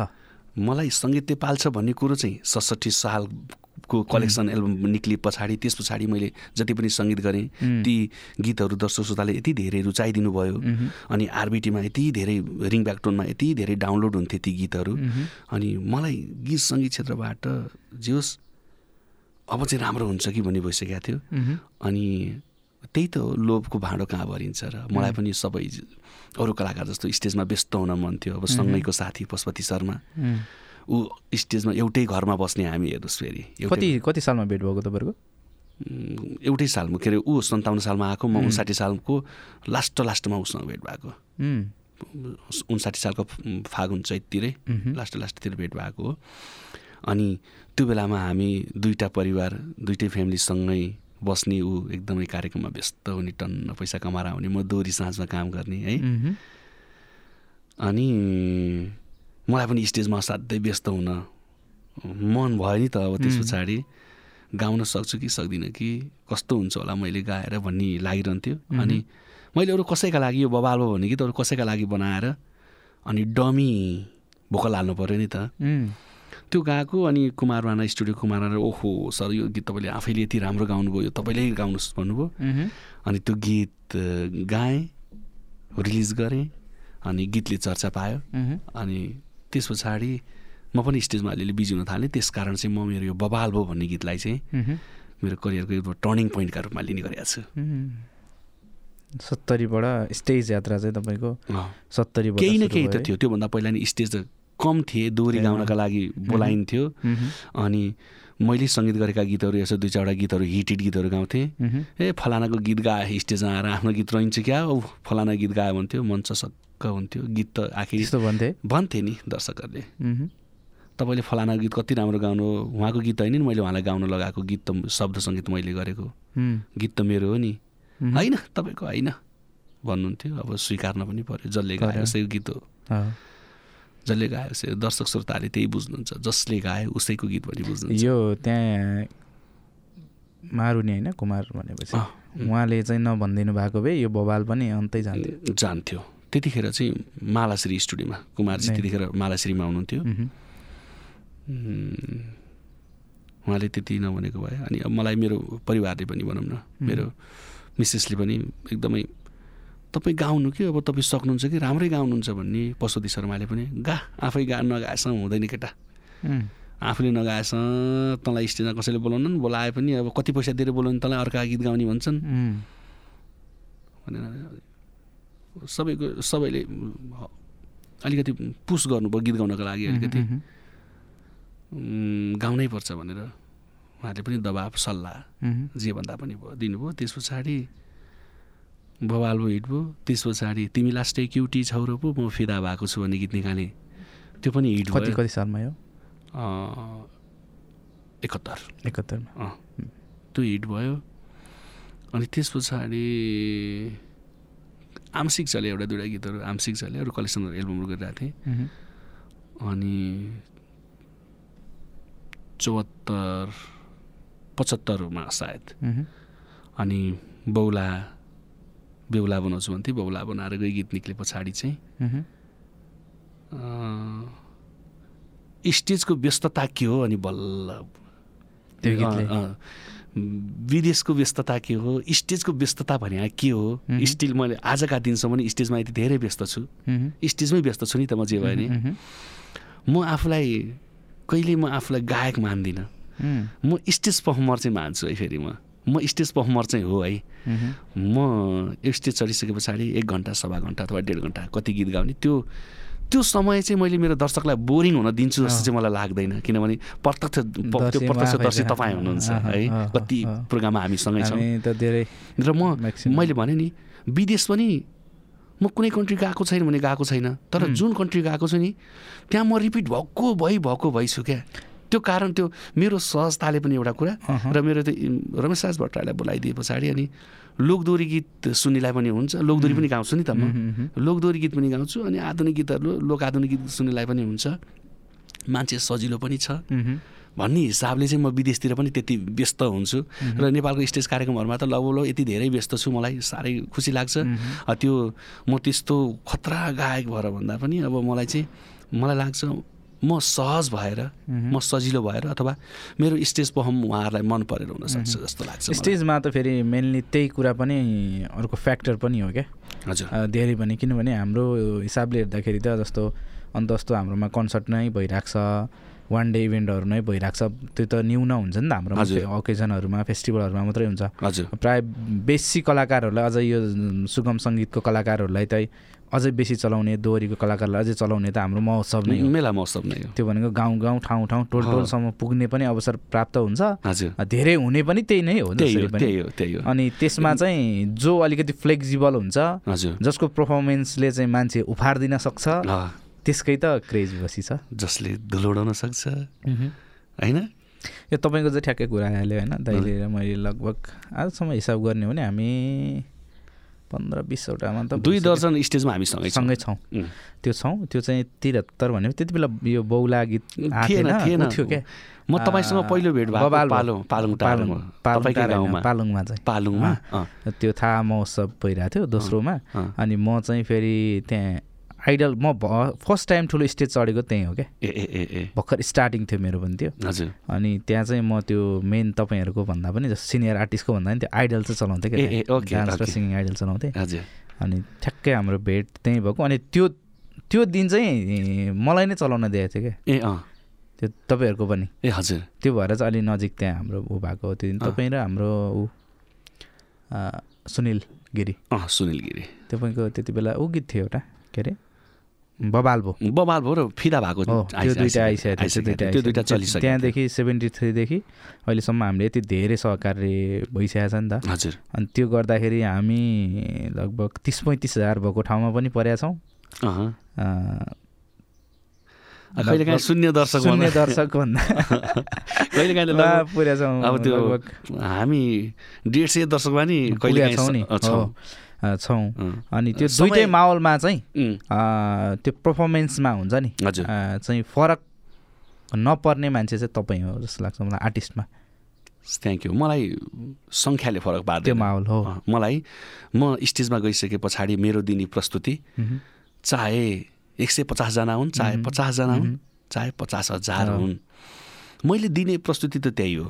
मैले पचास हजारलाई सुनाउने पनि अथवा त्यो पचासजना जो मह्म। मेरा लागि सुन्न आउनुहुन्छ मह्म। उहाँले त्यो पचासजना सुन्न आउने पनि त मेरै मह्म। सिर्जना। मेरै स्टेज पर्फर्मेन्स हेर्न आउने हो मेरै सिर्जना मेरै गीत सुन्न आउने हो। तिनका लागि भनेर मैले नराम्रो गाइदिने कुरै भएन नि त र म अलिकति कहिले पनि मेरो त इनर्जी लस इनर्जी म लस पनि गर्दैन। इनर्जी लेस गरेर पनि गाउँदिनँ क्या। ठ्याक्कै त्यो मलाई याद आइरहेको छ क्या त्यो हाम्रो उताको गजुरीको एउटा त्यो इभेन्ट ए अँ त्यहाँ सायद हामीले काम गरेकोमा सबभन्दा कम मान्छे भएको सायद त्यहीँ जस्तो लाग्छ मलाई आजसम्ममा। त्यहाँ तपाईँले- भन्दै कान्छा यति मान्छे चाहिँ यार गरिरहनु भएको थियो। हजुर। तर मैले तपाईँलाई त्यो माइक ह्यान्डओभर गरिसकेपछि त्यो यस्तो बवाल भयो क्या त्यो प्रोग्राम ऊ हुँदाखेरि त्यहाँ मान्छे कम छ उपस्थिति आज कम रह्यो। सुन्ने भयो भन्ने नै भएन क्या झन्? त्यो दिन तपाईँ पुरा अडियन्सकै बिचमा गएर त्यो अब धेरै मान्छे हुँदा त त्यो अपर्च्युनिटी पनि मिल्दैन नि त। अप्ठ्यारो पनि हुन्छ। अनि त्यसलाई झन् सदुपयोग गर्ने त्यो एउटा अवसर जस्तै बनाएर त्यसलाई झन् सदुपयोग गरेर त्यति गर्न सक्नु भनेको त त्यो एउटा पर्फर्मरमा हुनुपर्ने सबभन्दा ठुलो गुण। नेपालको कन्टेक्समा चाहिँ त्यही त हो। थ्याङ्क यू तपाईँले मूल्याङ्कन गरिदिनु भएको रहेछ। धन्यवाद हजुर। यो बेहुला आएपछि चाहिँ के भयो दाइ? बौला आएपछि रातारात हिट भयो। गीत हिट भयो। मान्छेलाई कन्फ्युजन भयो। अडियो पहिला अडियो मात्र युट्युबमा हालियो। अनि कुनै लिजेन्ड सिङ्गरले गाएको होला कुनै खतरा गायकहरूले गाएको होला भनेर। क्रेडिट क्रेडिट चाहिँ प्रायः दर्शकहरूले चाहिँ श्रोताहरूले चाहिँ उहाँहरूलाई दिनुहुन्थ्यो। अनि म्युजिक भिडियोमा म्युजिक भिडियो आयो। म्युजिक भिडियोमा म आफू देखिनँ। म्युजिक भिडियो म छैन। म्युजिक भिडियो आइसके पछाडि म्युजिक भिडियो जो खेल्यो क्रेडिट उसैलाई गयो। होइन? अनि जब मैले स्टेजमा गाउँदै हिँडेँ। अनि जब यो गीतको चर्चा चुलिँदै गयो जब स्टेजमा गाउँदै हिँडेँ अनि पछि इन्टरभ्यूहरूमा पनि भनौँ न इन्टरभ्यूमा जब मैले गाएँ ओहो यसको पो रहेछ भन्ने। अनि। अहिले चाहिँ अहिले चाहिँ यो गीतको सम्पूर्ण क्रेडिट अहिले मलाई आउँछ। लगभग। सुरुमा सुरुको पहिलो अझै पनि केही दर्शकहरू त तपाईँको पो हो भन्ने छ अझै पनि। जस्तो रमेश राज भट्टराई भनेपछि को हो? के? बाहुला गए भनेपछि ए उहाँ भन्ने चाहिँ त्यो एक लेभलको मान्छेलाई पर त्यो ठ्याक्कै पर्छ नै। त्यो गीतले त अफकोर्स पहिचान बनाएकै छ त्यति लगभग त्यो लेभल अनि मैले भने नि यो गीत पछाडि चाहिँ मेरा केही भनौँ केही सपनाहरू। मेरो मेरो मैले मेरो परिवारप्रति देखेका सपनाहरू। यो बिचमा दुःख सुख नानी बाबु जन्मिने हुर्किने नानी बाबु पढ्ने दुःख सुख चलिरहेको थियो। त्यसपछि चाहिँ केही महत्त्वपूर्ण मेरा सपनाहरू। पुरा गर्ने अवसर पाइरहेको छु आजको दिनसम्म पनि। यो पचहत्तरदेखिको समय होइन? पचहत्तरदेखिको समय। अब यो साढे दुई वर्ष तिन वर्ष त कोरोनाले खाइदिइहाल्यो। मेरो पिक आवरमा यो गीत चलेको पिक आवरमा कोरोनाले खाइदिइहाल्यो। र भनौँ न गीत निक्लेको पाँच वर्ष चार वर्ष पाँच वर्ष पुरा हुँदाखेरि पनि यो गीत पुरानो भएको छैन। किनभने दर्शकको रोजाइको गीत हो नि त। अब भन्न त अब तपाईँलाई भनिहालेँ एउटै गीतले गायक भएको भन्नुहुन्छ यसको यो गीत बाहेक केही पनि छैन। भन्नुहुन्छ दर्शक श्रोताहरूले भन्न चाहिँ। तर यति धेरै स्टेजमा गएर एक घन्टा डेढ घन्टा गीत गाउँछु यहाँले देख्नुहुन्छ हो, एउटा बौला गीतका लागि मात्रै त कुन आयोजकले मलाई बोलाउनुहुन्छ र एउटा। पाँच मिनट गीत गाउनु मात्रै त कुनले बोलाउनुहुन्छ र? त्यही पनि अब कतिपय दर्शकहरूलाई श्रोताहरूलाई थाहा नसक्छ। अरू गीतै छैन यसको भन्नुहुन्छ। उम्, नमजा लाग्छ। अरू गीत छायामा प यो गीतको कारणले गर्दा अरू गीत छायामा परेको नत्र बेहुला बनाउँछु भन्थे बेहुला बनाएर गए यो पछाडि योभन्दा अगाडिका गीत आज पनि पापी चरमा बबाल भयो। तिमी लास्टै क्युटी छौरो पो म फिदा भएको छु। खुट्टा भए जुत्ता छानी छानी पाइन्छ यो बजारमा। राजा राजा भन्थी बाजा बजाएर गए मैले सिन्दुर लिएर पर्खेको थिएँ हातमा राखी बाँधेर गए उम्, छन् त स्टेजमा मैले सबै स्टेज तताउने गीतहरू छन् त हिसाबले होली अब अनि। होलीमा अरे होलीमा मेरो दिल बस्यो कान्छीको बुट्टी चोलीमा। होली होलीमा मलाई लाग्छ नेपाली मलाई लाग्छ होइन हो नै। नेपाली गीत सङ्गीतको इतिहासमा होलीको गीत सर्वाधिक धेरै भ्युज गएको र सर्वाधिक धेरै टिकटक बनेको गीत हो। होइन? सर्वाधिक धेरै। भ्युज पनि गएको छ। यो लास्टको टु इयर त लगभग होलीमा त्यही जस्तै नै बजिरहेको छ त्यति त्यति धेरै माया गरिदिनु भएको छ। तर अब केही दर्शक श्रोताहरू अब के कुरामा चित्त बुझ्दैन अनि अरू गीत छैन भन्नुहुन्छ अब सबै नेगेटिभ पोजिटिभ सबै कमेन्टहरू स्वीकार गर्न सक्नुपर्छ फेरि। हामी कलाकार भइसके पछाडि होइन? ठिकै हो अब उहाँले त्यो गीतभन्दा बौला भन्दा नसुन्नु भएको भए उहाँलाई बौला भन्दा अझ राम्रा सिर्जना प्रस्तुत गरेर दिन सक्ने त त्यो मैले हो नि त। त्यो मैले आफ्नो कमजोरी ठान्छु त्यसलाई। आफ्नो कमजोरी ठान्छु। अब जो दर्शकहरू श्रोताहरू रुष्ट हुनुहुन्छ एउटै मेरो यति एउटा गीतको कारण रुष्ट हुनुहुन्छ भने पनि म अझै मिहिनेत गरिरहेको छु सिर्जना अझै गरिरहेको छु। फरक फरक किसिमका सिर्जना गरौँ भन्ने लाग्छ मलाई। अब यी सबै रोनाधोना गीत हुन् यति सेन्टिमेन्टल गीत छन् तर सबै स्टेज म आफू स्टेजमा बिक्नका लागि नयाँ प्रयोग गरेका थिएँ। सबै सिर्जनाहरू मन पराइदिनु भयो। अनि अब लास्ट टाइम काम गरिरहेको छु त। रचना रिमाल बहिनीसँग गाएको गीत टन्न पैसा कमाउला भन्थ्यो सुखै सुखमा रमाउला भन्थ्यो। यति धेरै परदेशीहरूले यति धेरै मन पराउनुहुन्छ यो त यस्तो यति यसको मेल भर्सन फिमेल भर्सन दुइटै निक्लियो होइन? रचना बहिनीलाई मैले डोइट गाएको छु पछि मैले मेल भर्सन मात्र पनि निकालेँ। यति धेरै म यसका कमेन्टहरू हेर्दाखेरि मलाई आँखाबाट आँसु आउँछ। यो गाइरहँदा पनि के दाइ? हजुर। त्यो कतै सुनिरहँदाखेरि पनि हजुर। अब एज अ त्यो गीत हो गीतकै रूपमा सु सुनेर सुन्यो भने त केही नहोला। हजुर। तर आज पनि यो गीत निक्लेको लगभग करिब करिब डेढ वर्ष डेढ वर्ष भयो। आसपास भयो होला। हजुर। यो टाइममा यो गीत हामीले अहिले बजाएर पनि सुन्ने हो भने हजुर। यो घर घरको पीडा हो क्या। अब तपाईँ हामी यहीँ छौँ र म खास त यो परदेशमा बस्नुहुने म परदेश म विदेश गइरहेको छु। उहाँहरूका भोगाईहरू। जति कमाए पनि जति जे गरे पनि होइन। उहाँहरूलाई यो नेपालप्रतिको माया आफ्नो स्वदेशप्रतिको माया आफ्नो परिवार गाउँप्रतिको माया। उहाँका कुराहरूबाट स्पष्ट छर्लङ्गै हुन्छ। अनि दुःख सुख कतार दुबई जहाँसुकै भनौँ जानुहुन्छ उहाँ पुगेपछि अनि पहिलो गएको ऋण तिर्न पऱ्यो ऋण तिरे पछाडि छोरो विदेश छ भनेपछि अब आफ्नो परिवार श्रीमान विदेश हुनुहुन्छ भने पछाडि एउटा घर बनाउने आशा हुन्छ। ठुलो कुरा नै। सबैभन्दा ठुलो वासस्थान। खाना त जेन तेन खामलाई एउटा ओत लाग्ने ठाउँ भयो हुन्थ्यो। भन्ने हुन्छ। अनि त्यो एउटा घर बनाउन भनेर ऋण खोजेर अनि त्यसपछि यता घर बनाउन सुरु हुन्छ। यहाँ यो घर कम्प्लिट त भइसक्छ यता ऋण धन गरेर घर बनाउँदै तर त्यो घरको ऋण तिर्दा तिर्दा तिर्दा तिर्दा परदेशमा जान्छ पन्ध्रौँ वर्ष बिसौँ वर्ष। यो यथार्थ नेपालीहरूको यथार्थ भोगाई उहाँहरूको भोगाई सुनेर देखेर यो गीत सिर्जना यो गीत लेखेको मैले यो गीत सङ्गीत गरेको। अनि यो गीतलाई यति धेरै माया गरिदिनु भएको छ। अब म जानकारी गराउन चाहन्छु तपाईँ। यसलाई यसो भनौँ दाइ म भन्नु न यो। गीतलाई। भन्नु। तपाईँ अहिलेसम्म जतिवटा देश घुम्नुभयो नि हजुर।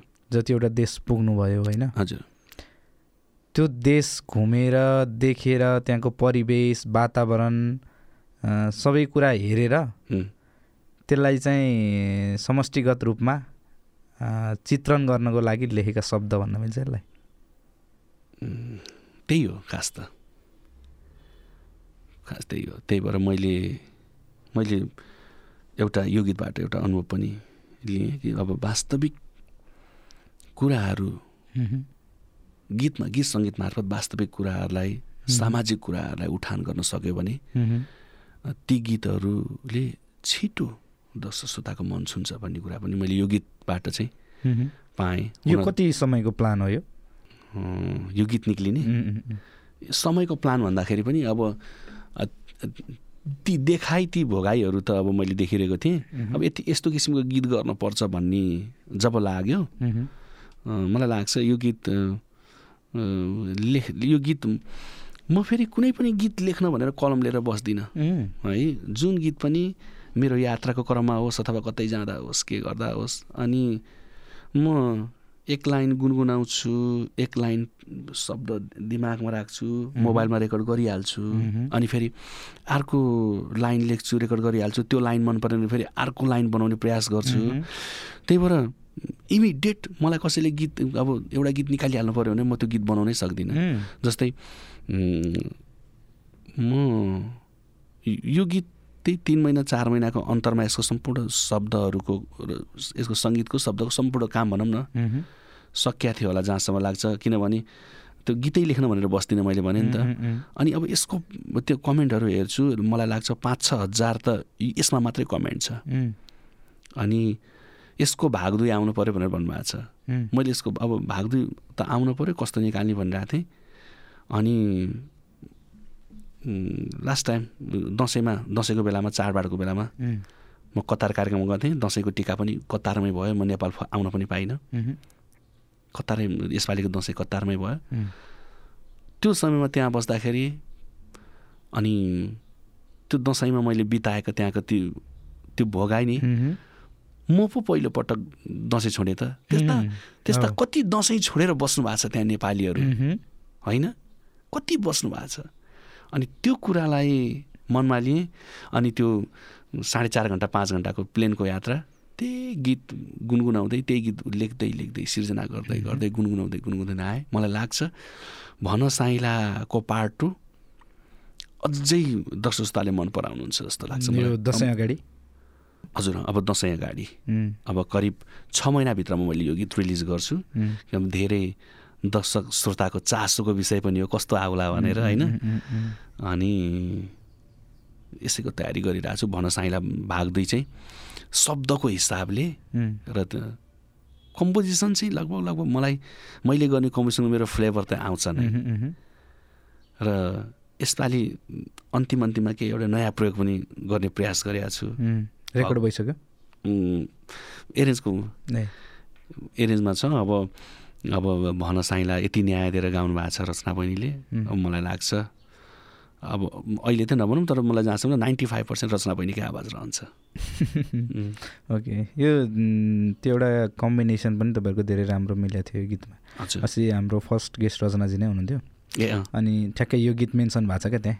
किनभने हजुर। रेकर्डिङको कुरा आइरहेको थियो क्या। अनि कति गर्नुहुन्छ दिनमा भनेको मैले म्याक्सिमम् पाँचवटासम्म गरेको छु भन्नुहुन्थ्यो। अनि टाइम कति लाग्छ भनेको अनि मैले यही यही टपिकमा चाहिँ यो भनसाइला भन्ने गीत चाहिँ मैले चार घन्टा लगाएर गएको भन्नुभएको थियो उम्, दुईवटा पहिला एउटा सजिलो गीत रेकर्ड गराइहालेँ। कि त्यो दिन मैले रचना बहिनीको दुईवटा गीत रेकर्ड गरेको थिएँ। एउटा फास्ट मेलोडीको एउटा रेकर्ड गराइहालेँ। अनि यसलाई चाहिँ मैले अलिकति बढी मिहिनेत नै गराएको। पहिल्यै मैले ट्र्याक पठाएर पहिल्यै डमी पठाएर प्र्याक्टिस गरेर आउनुहोस् पनि भनेको। अनि स्टुडियोमा पनि अलि अलिक बढी पेल्याएको थिएँ मैले. अब त्यो त्यो खुराक आओस् भन्ने चाहन्थेँ। यो गीतको मेलोडी चाहिँ कतै कहीँ नमरोस् भन्ने. चाहन्थेँ। शब्द उच्चारण स्पष्ट होस् भन्ने चाहन्थेँ. अनि मलाई लाग्छ त्यो मेहनतले सार्थकता पाएको छ। पायो त्यो चाहिँ पायो। सो यो लास्टको यो गीतसम्म आइपुग्दा? हजुर। यो भनसाइलासम्म आइपुग्दाखेरि चाहिँ लगभग कतिवटा देश यात्रा गरियो साङ्गीतिक कार्यक्रमकै लागि? एक्ज्याक्ट डाटा त छैन तर पन्ध्र सोह्र पन्ध्र सोह्रवटा। गयो अँ गयो पन्ध्र सोह्र नदोहोऱ्याइकन होइन? ठ्याक्कै गनेको देश मात्रै। अँ, गएको देश मात्रै। अब दोहोऱ्याएर त अब दोहोऱ्याएको देशमा त अब दुबई लग दुबई दुबई छचोटि गएँ जापान छचोटि गएँ कतार चारचोटि गएँ होइन? अब यस्ता दोहोरिएका देशहरू त धेरै छन्। धेरै छ हजुर। यो अलिक अगाडिकै यस्तो है यो फोटो। यो दुबई म त्यतिखेर दुई हजार अडसट्ठी सालमा याके नेति दोहोरी साँझमा याके नेति दोहोरी साँझमा दोहोरी गायकका रूपमा मैले यहाँबाट दसजना कलाकारलाई लिएर टिम लिडर भएर अन्य नौजना कलाकार लिएर दोहोरी साँझको टिम लिडर भएर। कलाकार लिएर जाँदाको यो अडसट्ठी सालको फोटो यो बाह्र वर्ष अगाडिको। यो फोटोमा एउटा माला छ क्या? त्यो माला आज पनि छ तपाईँको छ के हो? म गणेशको भक्त। ए। म गणेश भगवान्को भक्त हो। र यो माला टुट्दैन यो यो मेरो त्यो फुटेको त्यो चाहिँ फुट्यो। त्यो फुटे पनि फेरि मैले यो लगाएँ फेरि अर्को लगाएँ। यो यो यो लगाएको करिब छ वर्ष भयो। छ वर्ष। छ वर्ष भयो। यसको डोरी चेन्ज गरिरहेको हुन्छु तर यो माला चाहिँ चेन्ज गरेको छैन। ठिकै मैले फोटो हेर्दै थिएँ है। हजुर। अनि यसो हेरेको दाइले अहिले पनि यस्तै फेरि लगाउँछु। नै छ। जस्तो लाग्यो। पन्ध्र सोह्रवटा देशको यात्रा सकिसक्यो। नेपालमा कतिवटा जिल्ला याद छ? पचपन्न साठी। साठीको हाराहारीमा त छ। त्यति छ है। अलिकति पूर्व गली बाँकी होला? पूर्वका केही बाँकी छन्। बाँकी होला। पश्चिममा त लगभग लगभग पश्चिम त सबै। पश्चिमको कुन गएको छैन र? डोल्पा गएको छैन। डोल्पा। ओके। एकादुई गएको छैन र पश्चिममा? पूर्वमा गएको छैन। पूर्वमा चाहिँ अलि अलि बढी नै गएको छैन। अनि अरू त लगभग लगभग गएको छु कि जस्तो लाग्छ। ओके। यो बाहिरको यात्रा गर्दा क्या दाइ? हजुर। फर्स्ट टाइम प्लेन चढेको सम्झना आउँछ अहिले? आउँछ नि। कहाँ जाँदा हो? फर्स्ट टाइम हो र म त्रिसठी दुई हजार त्रिसठी सालमा। जीवनमै पहिलोपटक प्लेन चढेको तर विदेशकै प्लेन चढेँ बहराइन जाँदा। नेपालको नचढिकन है अँ, नेपालको चढेकै थिइनँ त्यति दिनसम्म अँ फर्स्ट प्रोग्राम बहराइन हो। अँ, मेरो पहिलो प्लेन चढेर पहिलो मेरो विदेशको पहिलो यात्रा बहराइन हो। र प्लेन चढेको नि पहिलो त्यही ठुलो प्लेनै हो। ओके त्यसको केही छ अलिकति? नै अब- फिल त्यति बेला? अब पहिलो कुरो विदेशको भिजा लाग्यो विदेश गीत गाउन जाने भन्ने बित्तिकै अब. त्यो भने नि त दोहोरी साँझमा काम गर्थेँ। भर्खर नानी जन्मेको तिन महिना थिइन्। है? अनि विदेशको अपर्च्युनिटी पाएको। त्यो। खुसीको सीमा थिएन। त्यो प्लेनले भुइँ छोड्दै गर्दा यता यहाँ मुटुले पनि ठाम छोडिरहेको थियो के हुने हो कसो हुने हो विदेशको यात्रा भनेर सबैको मन जितेर आएँ। तिन महिनाको बसाइ थियो। तिन महिना? तिन महिना। दोहोरी साँझमा गएको नि त। अनि सात घन्टा आठ घन्टा गीत गाउनु पर्थ्यो। हरेक। दिन हरेक। दिन। बिमारी भए पनि भन्न पाइन्थेन। दिनकै रेगुलर? रेगुलर। अनि तिन महिना बयानब्बे दिन बसेँ बयानब्बे दिनै गीत गाएको। हो बयानब्बे दिनै गीत गाएर तिरानब्बे दिनको दिनमा म आएको। अनि धेरै शुभचिन्तकहरू कमाएँ मैले। आफू गुना हुन्छ हेर्नुहोस्। कसले कस्तो व्यवहार गर्ने भन्ने कुरा नि? कसले राम्रो मान्ने नराम्रो भन् नमान्ने कसले राम्रो मान्ने कसले नराम्रो मान्ने भन्ने कुरा आफू गुना हुन्छ। तपाईँ राम्रो गर्नुहोस् तपाईँलाई सबैले राम्रो भन्छन् राम्रो गर्छन् तपाईँ नराम्रो गर्नुहोस्। तपाईँलाई पनि नराम्रो सोच्छन् नराम्रो गर्छन्। त्यही भएर म अरूको नराम्रो पनि सोच्दिनँ नराम्रो गर्न पनि नपरोस्। यही चाहन्छु म चाहिँ। यो बिचमा प्रोग्राम पनि चलाउनु भयो होइन प्रस्तुता भएर टिभीमा? टेलिभिजनमा डेढ दुई वर्ष कार्यक्रम चलाएँ अडसठी उना उनासत्तरी सत्तरीतिर। कुनमा? एनटिपी प्लसमा। मन्जरी भन्ने कार्यक्रम चलाउँथेँ। सुनगाबा भन्ने एनटिपी प्लसकै शनिबार दिउँसो एकदेखि दुईको इन्टरभ्यूको कार्यक्रम चलाउँथेँ। हप्ताको एक दिन चाहिँ इन्टरभ्यू कार्यक्रम थियो अनि डेली चाहिँ। बिहान साढे नौदेखि दस चाहिँ मन्जरी भन्ने कार्यक्रम थियो। यो साङ्गीतिक क्षेत्रमा त्यति बेला अलिक सफलता नमिलिरहँदा क्या? हजुर। होस्ट नै हुँ उद्घोषकै हुँ भन्ने चाहिँ लागेन?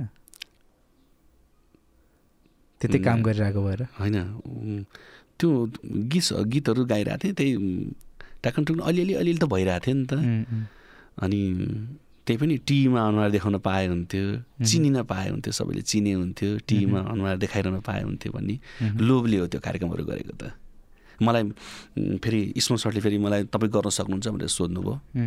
आर रेडियो म्युजिकले अनि युलिड मिडिया युलिड मिडियाको प्रस्तुति थियो कार्यक्रम। उम्, सक्नुहुन्छ तपाईँ?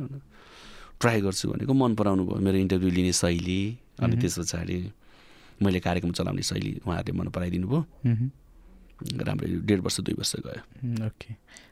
नेपालको कन्टेक्समा चाहिँ हजुर। ठ्याक्कै अब यो सिजन पिक सिजन हुन्छ नि त जुन हाम्रो मङ्सिर पछिको हजुर। टाइम। एक महिनामा म्याक्सिमम् यति दिनसम्म चाहिँ कार्यक्रम गरे नेपालमै भन्ने छ? माघ महिनामा के अरे बौला पचहत्तरमा निक्ल्यो छिहत्तरमा चाहिँ मैले बाइसवटा गरेको थिएँ माघ महिनामा। बाइसवटा? अँ ए ति तिस दिनमा। माघ महिनामा बाइसवटा कार्यक्रम गरेको थिएँ। नत्र मङ्सिर पुस माघ फागुन मोटामोटी हजुरको पन्ध्र सौवटा त नर्मली नै भइहाल्छ। बाइसवटा कार्यक्रम गर्न त लगभग एयरपोर्टमै घर जस्तै हुन्छ है? आउने त्यहीँबाट त्यता त्यहीँबाट त्यता। हुँदैन नि। हुँदैन। मैले कसरी रुट मिलाएको थिएँ भने कोलपुर सकेर सुर्खेत सुर्खेत सकेर भोलिपल्ट के अरे मैले त्यतिखेरको यात्रा बताउँछु है। मैले आठवटा कार्यक्रमको सेड्युल हालेको थिएँ कि लगातार आठवटा त्यतिखेरको पहिला आठवटा सकेर फेरि सेकेन्ड आठवटाको चाहिँ। पश्चिमतिर जाँदा पश्चिम पश्चिम बनाउने। अनि चितवन बुटोल पोखरा तनहु होइन पाल्पा गुल्मी छन् भने यताको त्यो रुट मिलाउने। त्यसरी मिलाउँदाखेरि चाहिँ एयरपोर्टको त्यति धेरै बास हुन्थेन।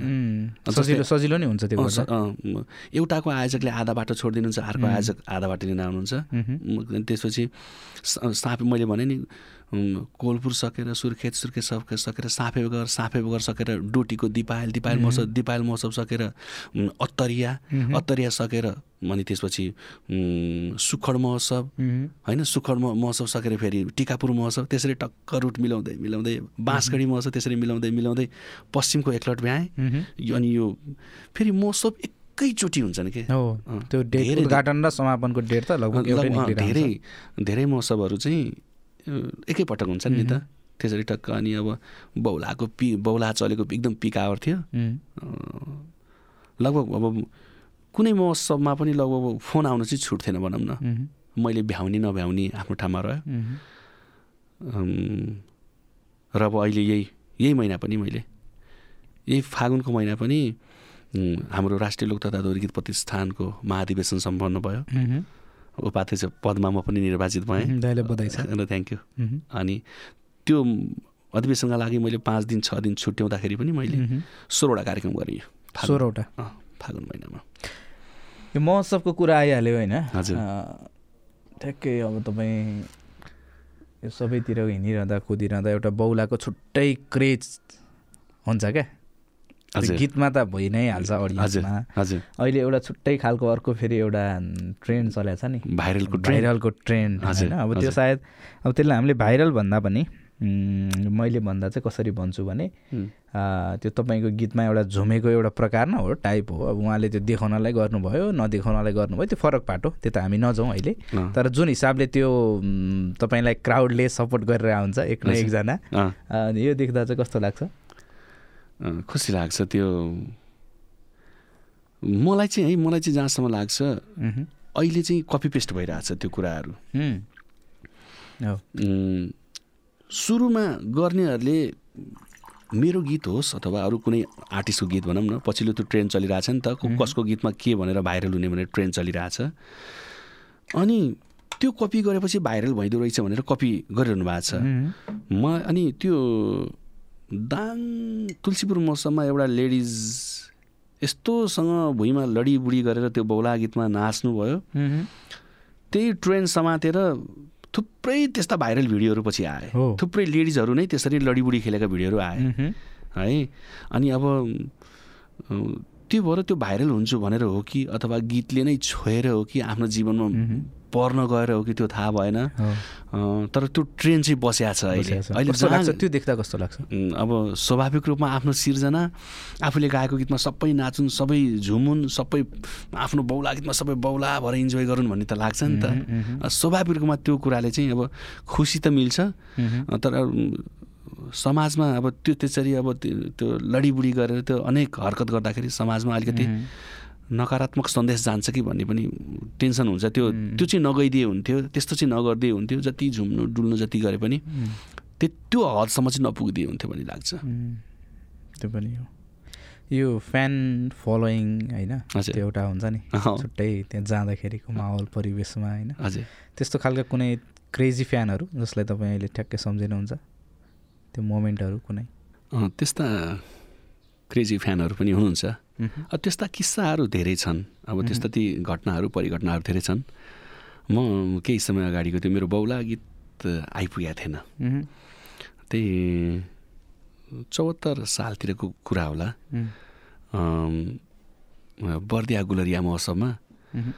अनि ठ्याक्क स्टेजबाट झरेँ अनि। ब्याक स्टेज पुगेँ। अनि त्यस पछाडि आइएम बिग फ्यान योर दादा I'm your big fan big fan भन्नुभयो एकजना बहिनी होइन. अनि ओहो प्लिज दादा फोटो भन्नुभयो अनि उहाँले एकदमै फोटो खिच्नुभयो हक गर्नुभयो फोटो खिच्नुभयो है एकदम। एकदम एकदम क्रेजी फ्यान लाग्थ्यो कि मेरो। अनि त्यस पछाडि अनि दादा नम्बर दिन मिल्छ भने दिनुहोस् न दादा प्लिज प्लिज दादा म तपाईँको ठुलो फ्यान दादा नम्बर दिनुहोस् न भन्नुभयो अनि. मिसयुज नगर्नु केही फरक पर्दैन तपाईँलाई नम्बर दिएर के हुन्छ र भनेर मैले मेरो नम्बर दिएँ। अनि दादा हजुरको नाम के अरे के भनेर सेभ दादा हजुरको नाम चाहिँ के अरे? भन्नुभयो। अनि मलाई गीत हे भगवान् गीत सङ्गीतमा लाएर मैले किन यति धिक्कार गरिरहेको छु? आफैलाई धिक्कारेँ म। यो त्य- त्यतिसम्मको फ्यानहरू पनि हुनुहुन्छ खोइ कस्तो फ्यान हो है? यो रमाइलो के छ यो यथार्थ घटना। नत्र अब स्टेजमै आउने स्टेजमा आएर किस गर्ने होइन? अनि त्यस पछाडि भनौँ न त्यस्तो धेरै हुनुहुन्छ फ्यानहरू। केटा केट छोरा केटा मान्छेहरू पनि त्यस्तै फ्यानहरू पनि धेरै हुनुहुन्छ। रमाइलो रमाइलो फ्यानहरू हुनुहुन्छ। दाइको एकजना चिनेको मैले चिनेको फ्यान चाहिँ क्या? ओ ओ ओ विवेक कुमार हो वीरगन्जको यो वीरगन्जतिरको भाइ हो होइन? मैले जस्तो जुत्ता लगायो त्यस्तै जुत्ता लाउने जस्तो क्याप लगायो त्यस्तै लगाउने होइन। मैले मेरो हेयर स्टाइल जस्तो बनायो त्यस्तै बनाउने। जस्तो टी सर्टलाई हातमा जस्तो बाला लायो त्यस्तै लाउने। म अचम्म पर्छु यो भाइलाई देखेर। अनि मैले अब जस्तो चस्मा लगाएको छु नि कहाँ किनेको कसरी पत्ता लगाउँछ सेम त्यो अनि मैले टी सर्ट मैले लाउने ज्याकेटहरू कसरी खोजेर कसरी पत्ता लाउँछ मसँग मसँग भएको हरेक लुगाहरू यो भाइसँग छ। यो यही फोटोमा हेर्नु न। तपाईँको यस्तै जुत्ता पनि छ एउटा। सेम सेम यही क्याप यस्तै हो दाइ लाउने चस्मा नि हो। सेम मेरो फोटो पनि छ कि यो। मेरो मेरो यही फोटो कपी गरेको छ उसले। हो? अँ। यतिसम्मको नि है. म फेरि जुन पोजले फोटो खिचेको छु त्यही पोजले फोटो खिच्नुपर्छ उसलाई। यतिसम्मको फ्यान हो यो। अति धेरै यति यति धेरै फ्यान हो। म जोस्। म त यसो कहिले काहीँ के हजुर। त्यो फोटोहरू हालिरहन्छ होइन हजुर अनि त्यो हेर्दा ठ्याक्कै फेस पनि कता कता तपाईँ जस्तै जस्तै भएको जस्तो भन्नुहुन्छ अब। उसले फोटो राख्छ रमेश भट्टराईको कपी रमेश भट्टराईको कपी भनेर कमेन्टहरू आइरहेको हुन्छ होइन अनि मलाई नै अब हेर्नु त दाइ सेम तपाईँको डुप्लिकेट भनेर मलाई फोटोहरू उसको फोटोहरू मलाई आइरहेको हुन्छ. मेन्सनहरू आइरहेको हुन्छ। यो पनि जस यतिसम्मको माया माया त हो उसको म प्रतिको माया। माया त म प्रतिको स्नेह हो। पोजिटिभ लिनुपर्छ। नेगेटिभ भए त उसले त कपी नै गर्थेन। त्यही त। होइन? यतिको माया पाउनु भनेको त्यो जो पाए त्यहीको उम्, भाग्यमा लेखिँदैन नि यस्तो माया। हो किन भन्नुहोस् यो केही फोटोहरू छ दाइको हेरौँ न है। यो कति अगाडिको दाइ थाहा छ? यो लोर्के चाहिँ कहिलेको हुन्छ भने ए मेरो पहिलो सडसठी सालमा निक्लेको अपेक्षा एल्बम। त्यो मैले कलेक्सन एल्बम निकालेको थिएँ नि। त्यही कलेक्सन एल्बमको पछाडिपट्टि राख्नको लागि खिचेको सडसठी सालको फोटो हो। त्यो एल्बमको पछाडि राख्नलाई? ओके। यो चाहिँ? यो चाहिँ हाम्रो मैले एउटा आधुनिक गीत गाएको थिएँ एउटा सेन्टिमेन्टल ऋतु राणा भाटको शब्दमा। त्यसको सुटिङका लागि पोखराको त्यो फेवातालको छेउमा गएर सुटिङको क्रममा खिचेको फोटो ओके। यो वर्ल्ड कपमा चाहिँ तपाईँ ब्राजिल हो? हजुर म ब्राजिल हो। हारे पनि जिते पनि ब्राजिल। पहिल्यैदेखि? पहिल्यैदेखि। ओके। यो फुटबल बाहेक क्रिकेटमा नि? क्रिकेटमा त एकदम इन्ट्रेस्ट. र यो अनि अलिक क्रिकेटलाई पनि सपोर्ट गर्नुपर्छ क्रिकेटरहरूलाई पनि सपोर्ट गर्नुपर्छ। क्रिकेटरहरू त्यसै क्रिकेटर भएको होइन अर्काको रिस डाहा गर्नु हुँदैन। एकचोटि क्वालिफाइड भएको थियो नि दुबईको दुबईबाट खेल्दाखेरि। नेपाल क्वालिफाइड भएको थियो वर्ल्ड कप खेल्दाको हो? हजुर। त्यतिखेर क्वालिफाइड हुँदाखेरिको चाहिँ अनि पशुपति शर्मा र मैले गाएको गीतको चाहिँ म्युजिक भिडियोमा। यो क्रिकेट सम्बन्धीकै गीत क्रिकेटसम्म। म नि अब त क्रिकेट खेल्न जान्छु च्याप्पै लौरो समाछु र चौका छक्का हान्छु भने भयङ्कर हिट भएको गीत त्यसको सुटिङमा हो हजुर सुटिङमा। खेलाडी जस्तो देखाएको छ ट्याक्कै। गेटअप थ्याङ्क यू यू चाहिँ पुरानो एउटा फोटो है। मेरो छोरी सात वर्षकी थिइन्। अनि भर्खर बाबु जन्मिएर अनि अनि श्रीमतीलाई सुत्केरी बस्न माइत पठाउँदाखेरि एयरपोर्टमा म छोड्न गएको फोटो। यहीँ काठमाडौँको यही? काठमाडौँको हजुर। ओके। यो चाहिँ कुन देशको दाइ? यो लन्डन। यो लन्डनको लन्डन आई त्यो लन्डन आईमा जाँदै गर्दाखेरि हामी चाहिँ यो यो अब खै यसलाई सिप भन्छ के भन्छ यो चढेर चाहिँ यो क्रुज क्रुज। यो क्रुज चढेर चाहिँ हामी फोर्टी फाइभ मिनट्स चढेर चाहिँ गएको थियौँ। अनि यस पछाडि चाहिँ त्यो लन्डन आईमा चढेको थिएँ त्यति त्यतिखेरको फोटो हो यो। ओके।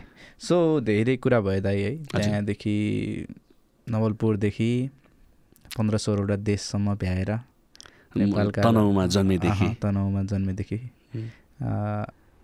नेपालको लगभग साठीवटा भन्दा बेसी जिल्लाहरू भ्याएर हजुर।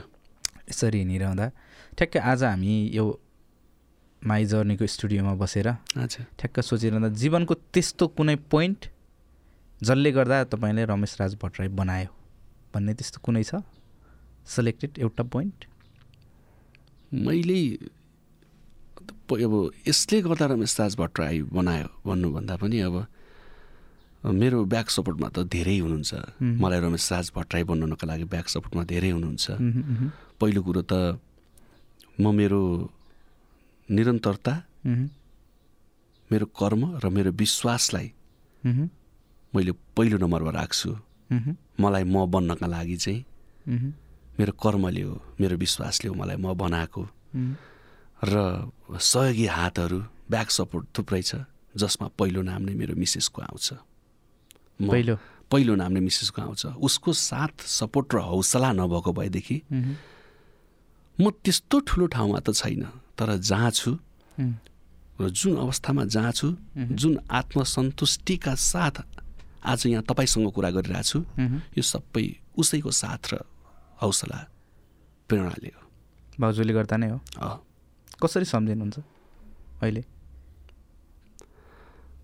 विगत त अब सम्झिनै नपरे हुन्थ्यो भन्ने लाग्छ। के अरे हामीले बिताएका ती पलहरू होइन? त्यो सङ्घर्षका ती दिनहरू। त्यो पिरियडमा पनि त्यति धेरै साथ त्यति धेरै हौसला थियो। उम्, जबकि म आफैलाई आत्मविश्वास नै मरिरहेको थियो। उसलाई कसरी मैले सक्छु भन्ने तपाईँसँग क्षमता छ तपाईँले सक्नुहुन्छ भन्ने उसले कसरी विश्वास गर्यो होला भन्ने लाग्छ। कि कसैले विश्वास नगरिरहँदा पनि उसले त्यो अठो उसले त्यो विश्वास गरिरहेको थियो। र र त मलाई आजका दिनसम्म पनि उति नै त्यस- त्यसरी नै उसले साथ दिइरहेको छ नि त। विगतदेखि आजसम्म छोराछोरी हुर्काइयो बढाइयो पढाइयो। पढिरहेका छन्। छोराछोरीबाट पनि आत्मसन्तुष्टि छ। मैले त्यति समय दिन पाउँदिनँ।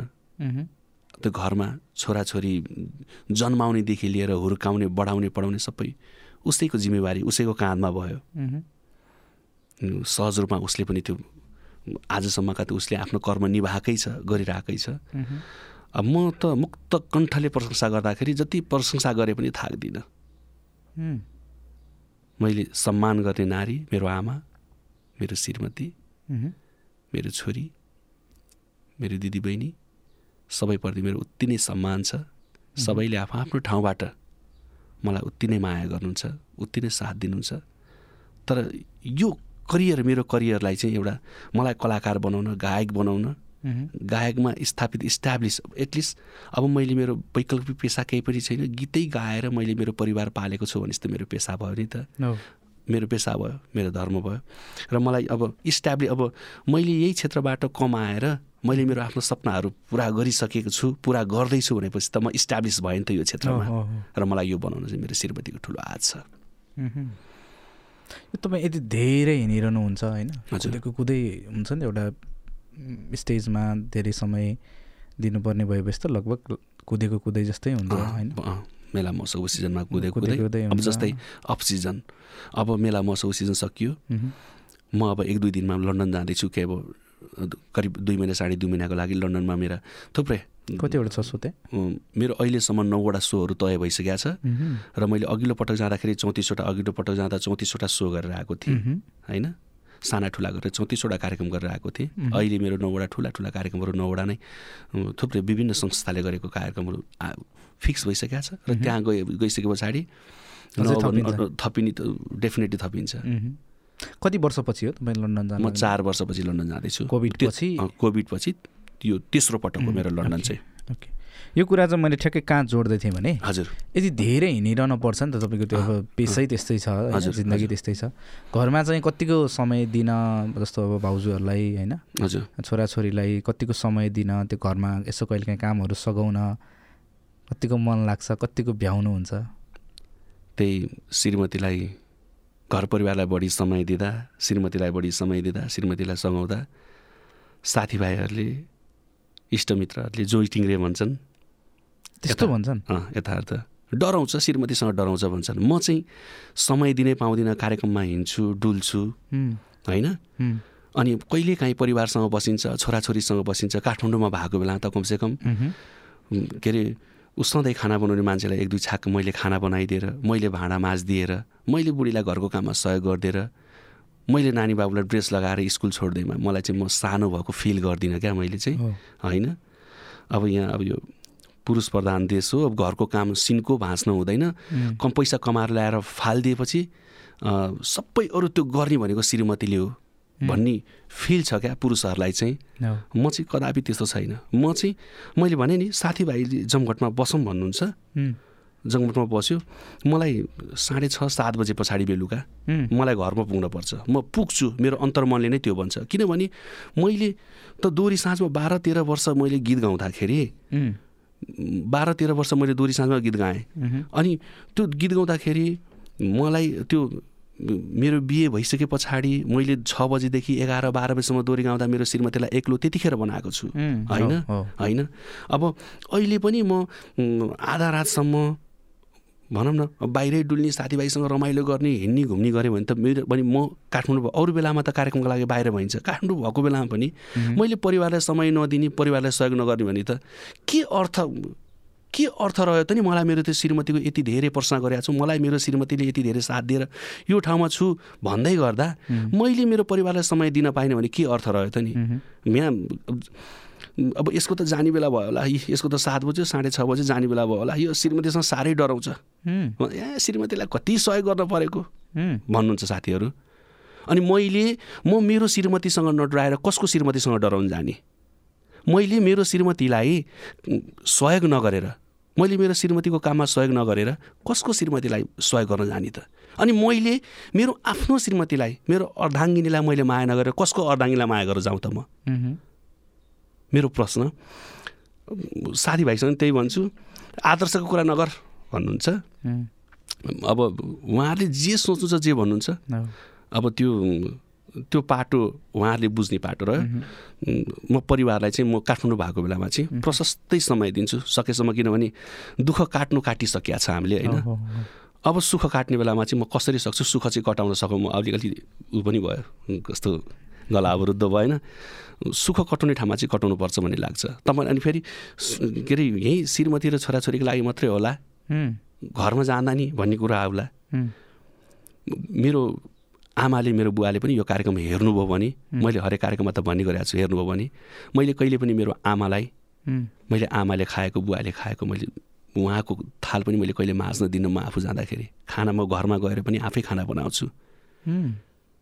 इभन आमा बुवाले आफूले खाएको थाल पनि मैले माझ्न दिन्न म आफै माझ्छु अनि आमाले भन्नुहुन्छ नमाझ न बाबु कहिले काहीँ आउँछौ? किन माझ्नु पऱ्यो भन्नुहुन्छ।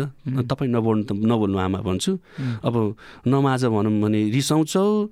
अब माझ त नि क्यारम त नि अब म त भन्दा भन्दा थाकेँ भन्नुहुन्छ आमा पनि। आमाको मन त होइन कि अब आमाले चाहिँ कहिलेकाहीँ आउने छोरालाई त्यस्तो।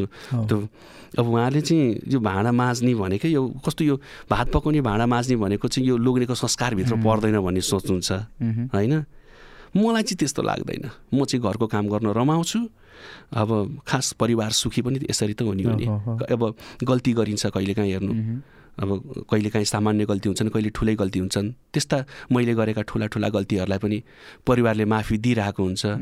मैले मलाई मैले गल्ती गरेँ क्षमा देऊ भनेको भरमा मलाई माफी पाइरहेको हुन्छु। भनेपछि यति सहिरहेको हुन्छन् हाम्रो लागि। यति सहेर बसेका हुन्छन् हाम्रो लागि हाम्रो परिवारले। अनि त्यही परिवारलाई समय नदिएर कसका परिवारलाई समय दिन जाने त नि। होइन? त्यही भएर म अरू कसैका कुरा सुन्दिनँ।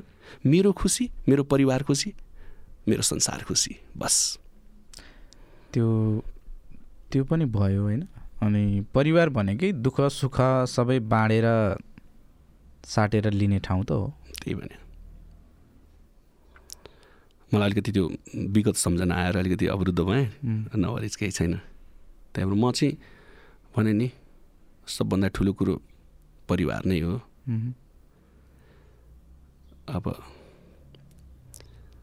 अब सामान्य कुरा के? तपाईँ बिमारी भएर हस्पिटलमा जानुहोस्। तपाईँका सर साथी अरू इष्टमित्र भनेका समय मिलाएर फुर्सद मिलाएर फलफुल बोकेर जाने हुन्। तपाईँलाई तपाईँ बिमारी भएर हस्पिटल पुग्दा सबभन्दा पहिलो परिवारको जरुरत पर्छ नि त होइन? त्यो भएर पहिलो प्रायोरिटी परिवारलाई नै हुनुपर्छ भन्ने लाग्छ। साथीभाइहरू कति मिल्ने साथीभाइहरू हुन्छ मसँग सबै साथीभाइसँग राम्रै छु। साथीभाइसँग पनि सबैभन्दा धेरै अब सुन्नु संस्थालाई सबैभन्दा धेरै समय हेर्नु हेर्नुहोस् है। परिवारलाई मात्रै समय दिन्छ यसले खालि हामीलाई समय दिन्न भन्नुहुन्छ। सबै साथी कसैको साथीभाइको यो कुराले बाहेक सबै साथीभाइसँग नजिक पनि छु। है? अब विभिन्न संस्था सामाजिक कामको सङ्घ संस्थामा लागेको छु समय दिन भ्याएकै छु। राष्ट्रिय लोक तथा दोहोरीगीत प्रतिष्ठानको सदस्य हुँदाखेरि वर्षको सर्वोत्कृष्ट सदस्य। सबभन्दा धेरै समय दिएको सबभन्दा धेरै राम्रो काम गरेको सदस्य भएँ। प्रतिष्ठानकै सचिव हुँदाखेरि त्यो कार्यकालकै तिन वर्ष कार्यकालको सर्वोत्कृष्ट सचिव भएँ सातजना सचिवमध्ये सर्वोत्कृष्ट सचिव भएँ। संस्थालाई नै समय दिएको भएर होइन? अनि साथीभाइ दाजुभाइहरूले पनि कस्तो कसरी म्यानेज गर्छ यस्तो हेरी यस्तो हुन पाए पो हामी पनि यसले जस्तो समय म्यानेज गर्न जाने जाने पो। यस्तो इमान्दारिता भए पो भनेर दाईहरूले पनि मुक्त कण्ठले प्रशंसा गर्नुहुन्छ।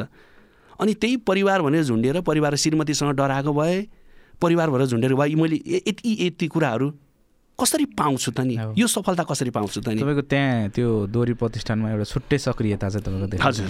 हजुर। त्यो चाहिँ एउटा कति लगाव छ संस्थाप्रति तपाईँको भन्ने चाहिँ त्यहाँ तपाईँले जुन गतिविधिहरू मूल्याङ्कन पनि गरिदिनु भएको छ संस्थाले। संस्थाका अग्रज दाईहरूले त्यसको मूल्याङ्कन पनि मूल्याङ्कन गरिदिनु भएको छ। म खुसी छु मैले भने नि रुष्ट कसैलाई बनाउनु नपरोस् दुष्ट कसैसँग हुन नपरोस्। सबैसँग हाँसो खुसी बाँडेर बाँच्न पाइयोस्। जति दुःख गर्ने गरिसकियो होइन? र मलाई लाग्छ बिस्तारै अब सुखका दिन पनि फिर्दैछन्। नानी बाबुको पढाइहरू पनि राम्रै चलिरहेछ।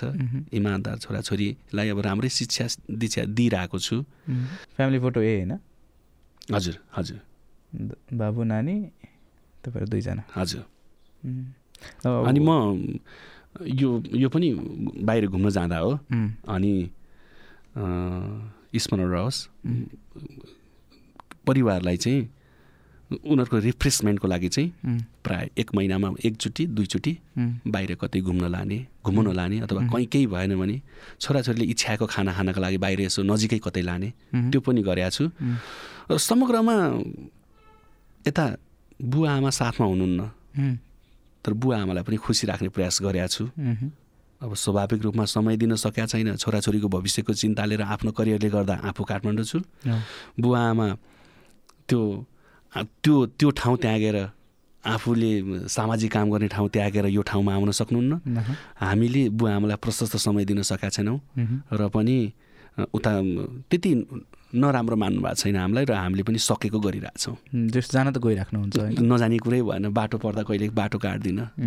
नारायणघाटको कार्यक्रम पऱ्यो भने बुटोलबाट नारायणघाट आउँदाखेरि नारायणघाट झर्न पर्ने हो नि त। म घरमै झरेर घरमा बसेर घरमा खाना खाएर भोलिपल्ट कार्यक्रम भेट्न जान्छु।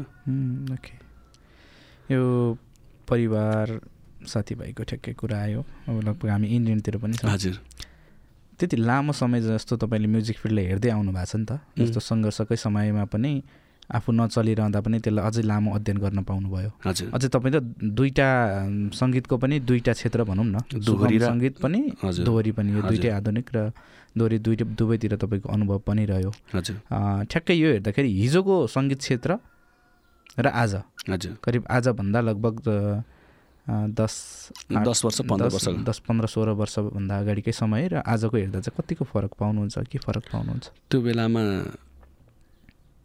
अलिकति फिजिकल मार्केट थियो। क्यासेट सिडी बिक्ने जमाना थिए। धेरै। क्यासेटहरू सिडीहरू बिक्री हुन्थे। घर घरमा क्यासेट हुन्थे। होइन क्यासेट प्लेयर हुन्थे। नयाँ नयाँ गीत आउने बित्तिकै ती क्यासेटहरू बिक्री हुन्थे। हुन त त्यही बिक्री हुने बेलामा नै म गीत सङ्गीतमा प्रवेश गरेको हो। र नढाँटी भन्नुपर्दा मेरा कुनै सिर्जना त्यसरी अब क्यासेट बिक्री हुने गरेरै कुनै सिर्जना चलेका होइनन्। र एउटा विकसित रूप लिइरहेको छ यसले। त्यो फिजिकल मार्केट डाउन भयो डिजिटल मार्केट आयो। डिजिटल मार्केटमा पनि आरबिटी सिआरबिटी र पिआरबिटी आयो। त्यसले पनि कलाकारलाई केही राहत भयो। अनि त्यस पछाडि अब सि- अब के आउला? अब सिद्धियो। सिद्धियो भन्दा भन्दै एटलिस्ट हात्तीको देखाउने दाँत भन्छन् नि। त्यो मुस्किलले लगानी उठायो भने पनि मेरो युट्युबमा यति गयो उति गयो। भन्न भन्नका लागि युट्युब आएको छ। राम्रै गऱ्यो भने राम्रै कमाइ पनि छ। तर नाइन्टी पर्सेन्ट गीतले लगानी उठाउँदैन युट्युबबाट मात्रै चाहिँ। हामीले। सिर्जना निरन्तर गर्छौँ। त्यो गीत निरन्तरता दिएपछि हामी स्टेजमा गएर हामीले नयाँ नयाँ गीतहरू गाउन पाउँछौँ। र युट्युबले कमाइ देला नदेला त्यो सरोकार भएन। हामीले युट्युबमा गीत अपलोड गर्नै पर्छ। अब यस पछाडि के होला के होला भन्दा भन्दै अहिले फेरि अडियोबाट अडियोको प्लेटफर्महरू। पनि आइरहेको छ। अहिले अडियोको प्लेटफर्मबाट पनि अहिले पैसा आउन थालेको छ। अब मेजर मेन हाम्रो इन्कम सोर्सेस भनेकै स्टेज स्वदेश तथा विदेशमा आउने स्टेज प्रोग्राम हो। र समग्रमा गीत सङ्गीतले यसरी छलाङ मारेको छ। अझ विशेष दोहोरीले दोहोरी गीत सङ्गीतहरूले यति धेरै छलाङ मारेको छ। हिजो सहरमा बस्नेहरूले सु दोहोरी सुन्नुहुन्थेन दोहोरी मन पराउनुहुन्थेन आज सहरमा बस्नेलाई पनि अब अहिले अब बिहेको पार्टी होस् कि अब जेसुकै होस् पिकनिक होस् कि अब जेसुकै होस्। हरेक फङ्सनमा अहिले दोहोरी गीतहरू बज्ने गरेका छ। अहिले त क्लबहरूतिर नै अब दोहोरी त बज्ने नै छ। डिजेहरूको डिजे बनाएर बजिरहेकै। बजिरहेको हुन्छ भनेपछि दोहोरीले पनि त्यसरी छलाङ मारेको छ समग्रमा। साँगुरो एउटा मार्केट अहिले फराकिलो बनेको छ सङ्गीत क्षेत्र समग्र नेपाली सङ्गीत क्षेत्रले प्रगति गरेका छ। र एउटा रोयल्टी व्यवस्थापन हुन सक्ने हो भने नेपाल राज्यको तर्फबाट एउटा रोयल्टीको व्यवस्थापन गरिदिन सक्यो भने मलाई लाग्छ गीत सङ्गीतलाई नै आधार बनाएर धेरै स्रष्टा सर्जकहरू बाँच्न सक्ने एउटा आधार बनेको छ। त्यति फराकिलो भएको छ यो क्षेत्र र विश्वास गरौँ आशा गरौँ त्यो छिट्टै होला। ओके। यो खानाको कुरा अघि पनि आइहाल्यो होइन? हजुर। लाइक तपाईँ अब ट्राभल गरिरहँदाको हिसाबले पनि हजुर। यो नेपाली फुडमा चाहिँ धेरै तपाईँ के प्रिफर गर्नुहुन्छ? नेपाली फुडमा त म यसो छ त्यस्तो चुजी छैन म. मलाई यही खानुपर्छ भन्ने छैन। मलाई लाग्छ हामी साथीभाइहरूमा नि. सबैभन्दा खुसी भएर खाने जे पनि खाने म ज्वानोको झोलसँग त रमाउने मान्छे तर नढाँटेर भन्नुपर्दा मलाई चाहिँ टिमुर हालेको अचार लोकल कुखुराको झोलसँग भात खान पाएँ अनि र अलिकति साग भयो भने मलाई सबैभन्दा चाहिँ त्यही होला ओके। बाहिर चाहिँ? विदेशी खानाहरूमध्ये? उम्, पछिल्लो समय बद्री बद्री बङ्गी सी फुडहरू धेरै खान्छु मैले। र नेपालमै पनि पछिल्लो समय हाम्रो आदरणीय बद्री बङ्गिनी दाईले चाहिँ कोरियन खाना सिकाउनु भएको छ? हप्तामा एकचोटि कोरियन खाना जाने गरेको छ। अहिले मिठो लाग्न थालेको छ। दाइले दाइसलाई नै अस्ति मैले सोध्दा थिएँ कोरिया नै भन्नु। अँ, दाईले चाहिँ अनि दाईले सिकाउनु भयो कहाँ भाइ ला आउनुहोस् भन्नुहुन्छ। अनि कोरियन खाना जान्छौँ। त्यही हो। न त सी फुडहरू म विदेश जाँदा चाहिँ सी फुडहरू चाहिँ अब एकदम मन पराउँछु। ओके। सो अब फ्युचर प्लान के छ दाइ अब एउटा गीत त भइ नै हाल्यो होइन? एउटा मात्र होइन दस- अगाडि चाहिँ रिसेन्टली मेरो अब लन्डनबाट फर्किसके पछाडि मेरो भन साइला र बौलाको पा पार्ट फोर त्यो पनि रेडी छ। यो दुइटा र अनि त्यस पछाडि यो बिचमा मैले गर्नुपर्ने थुप्रै दुई तिनवटा कामहरू छ।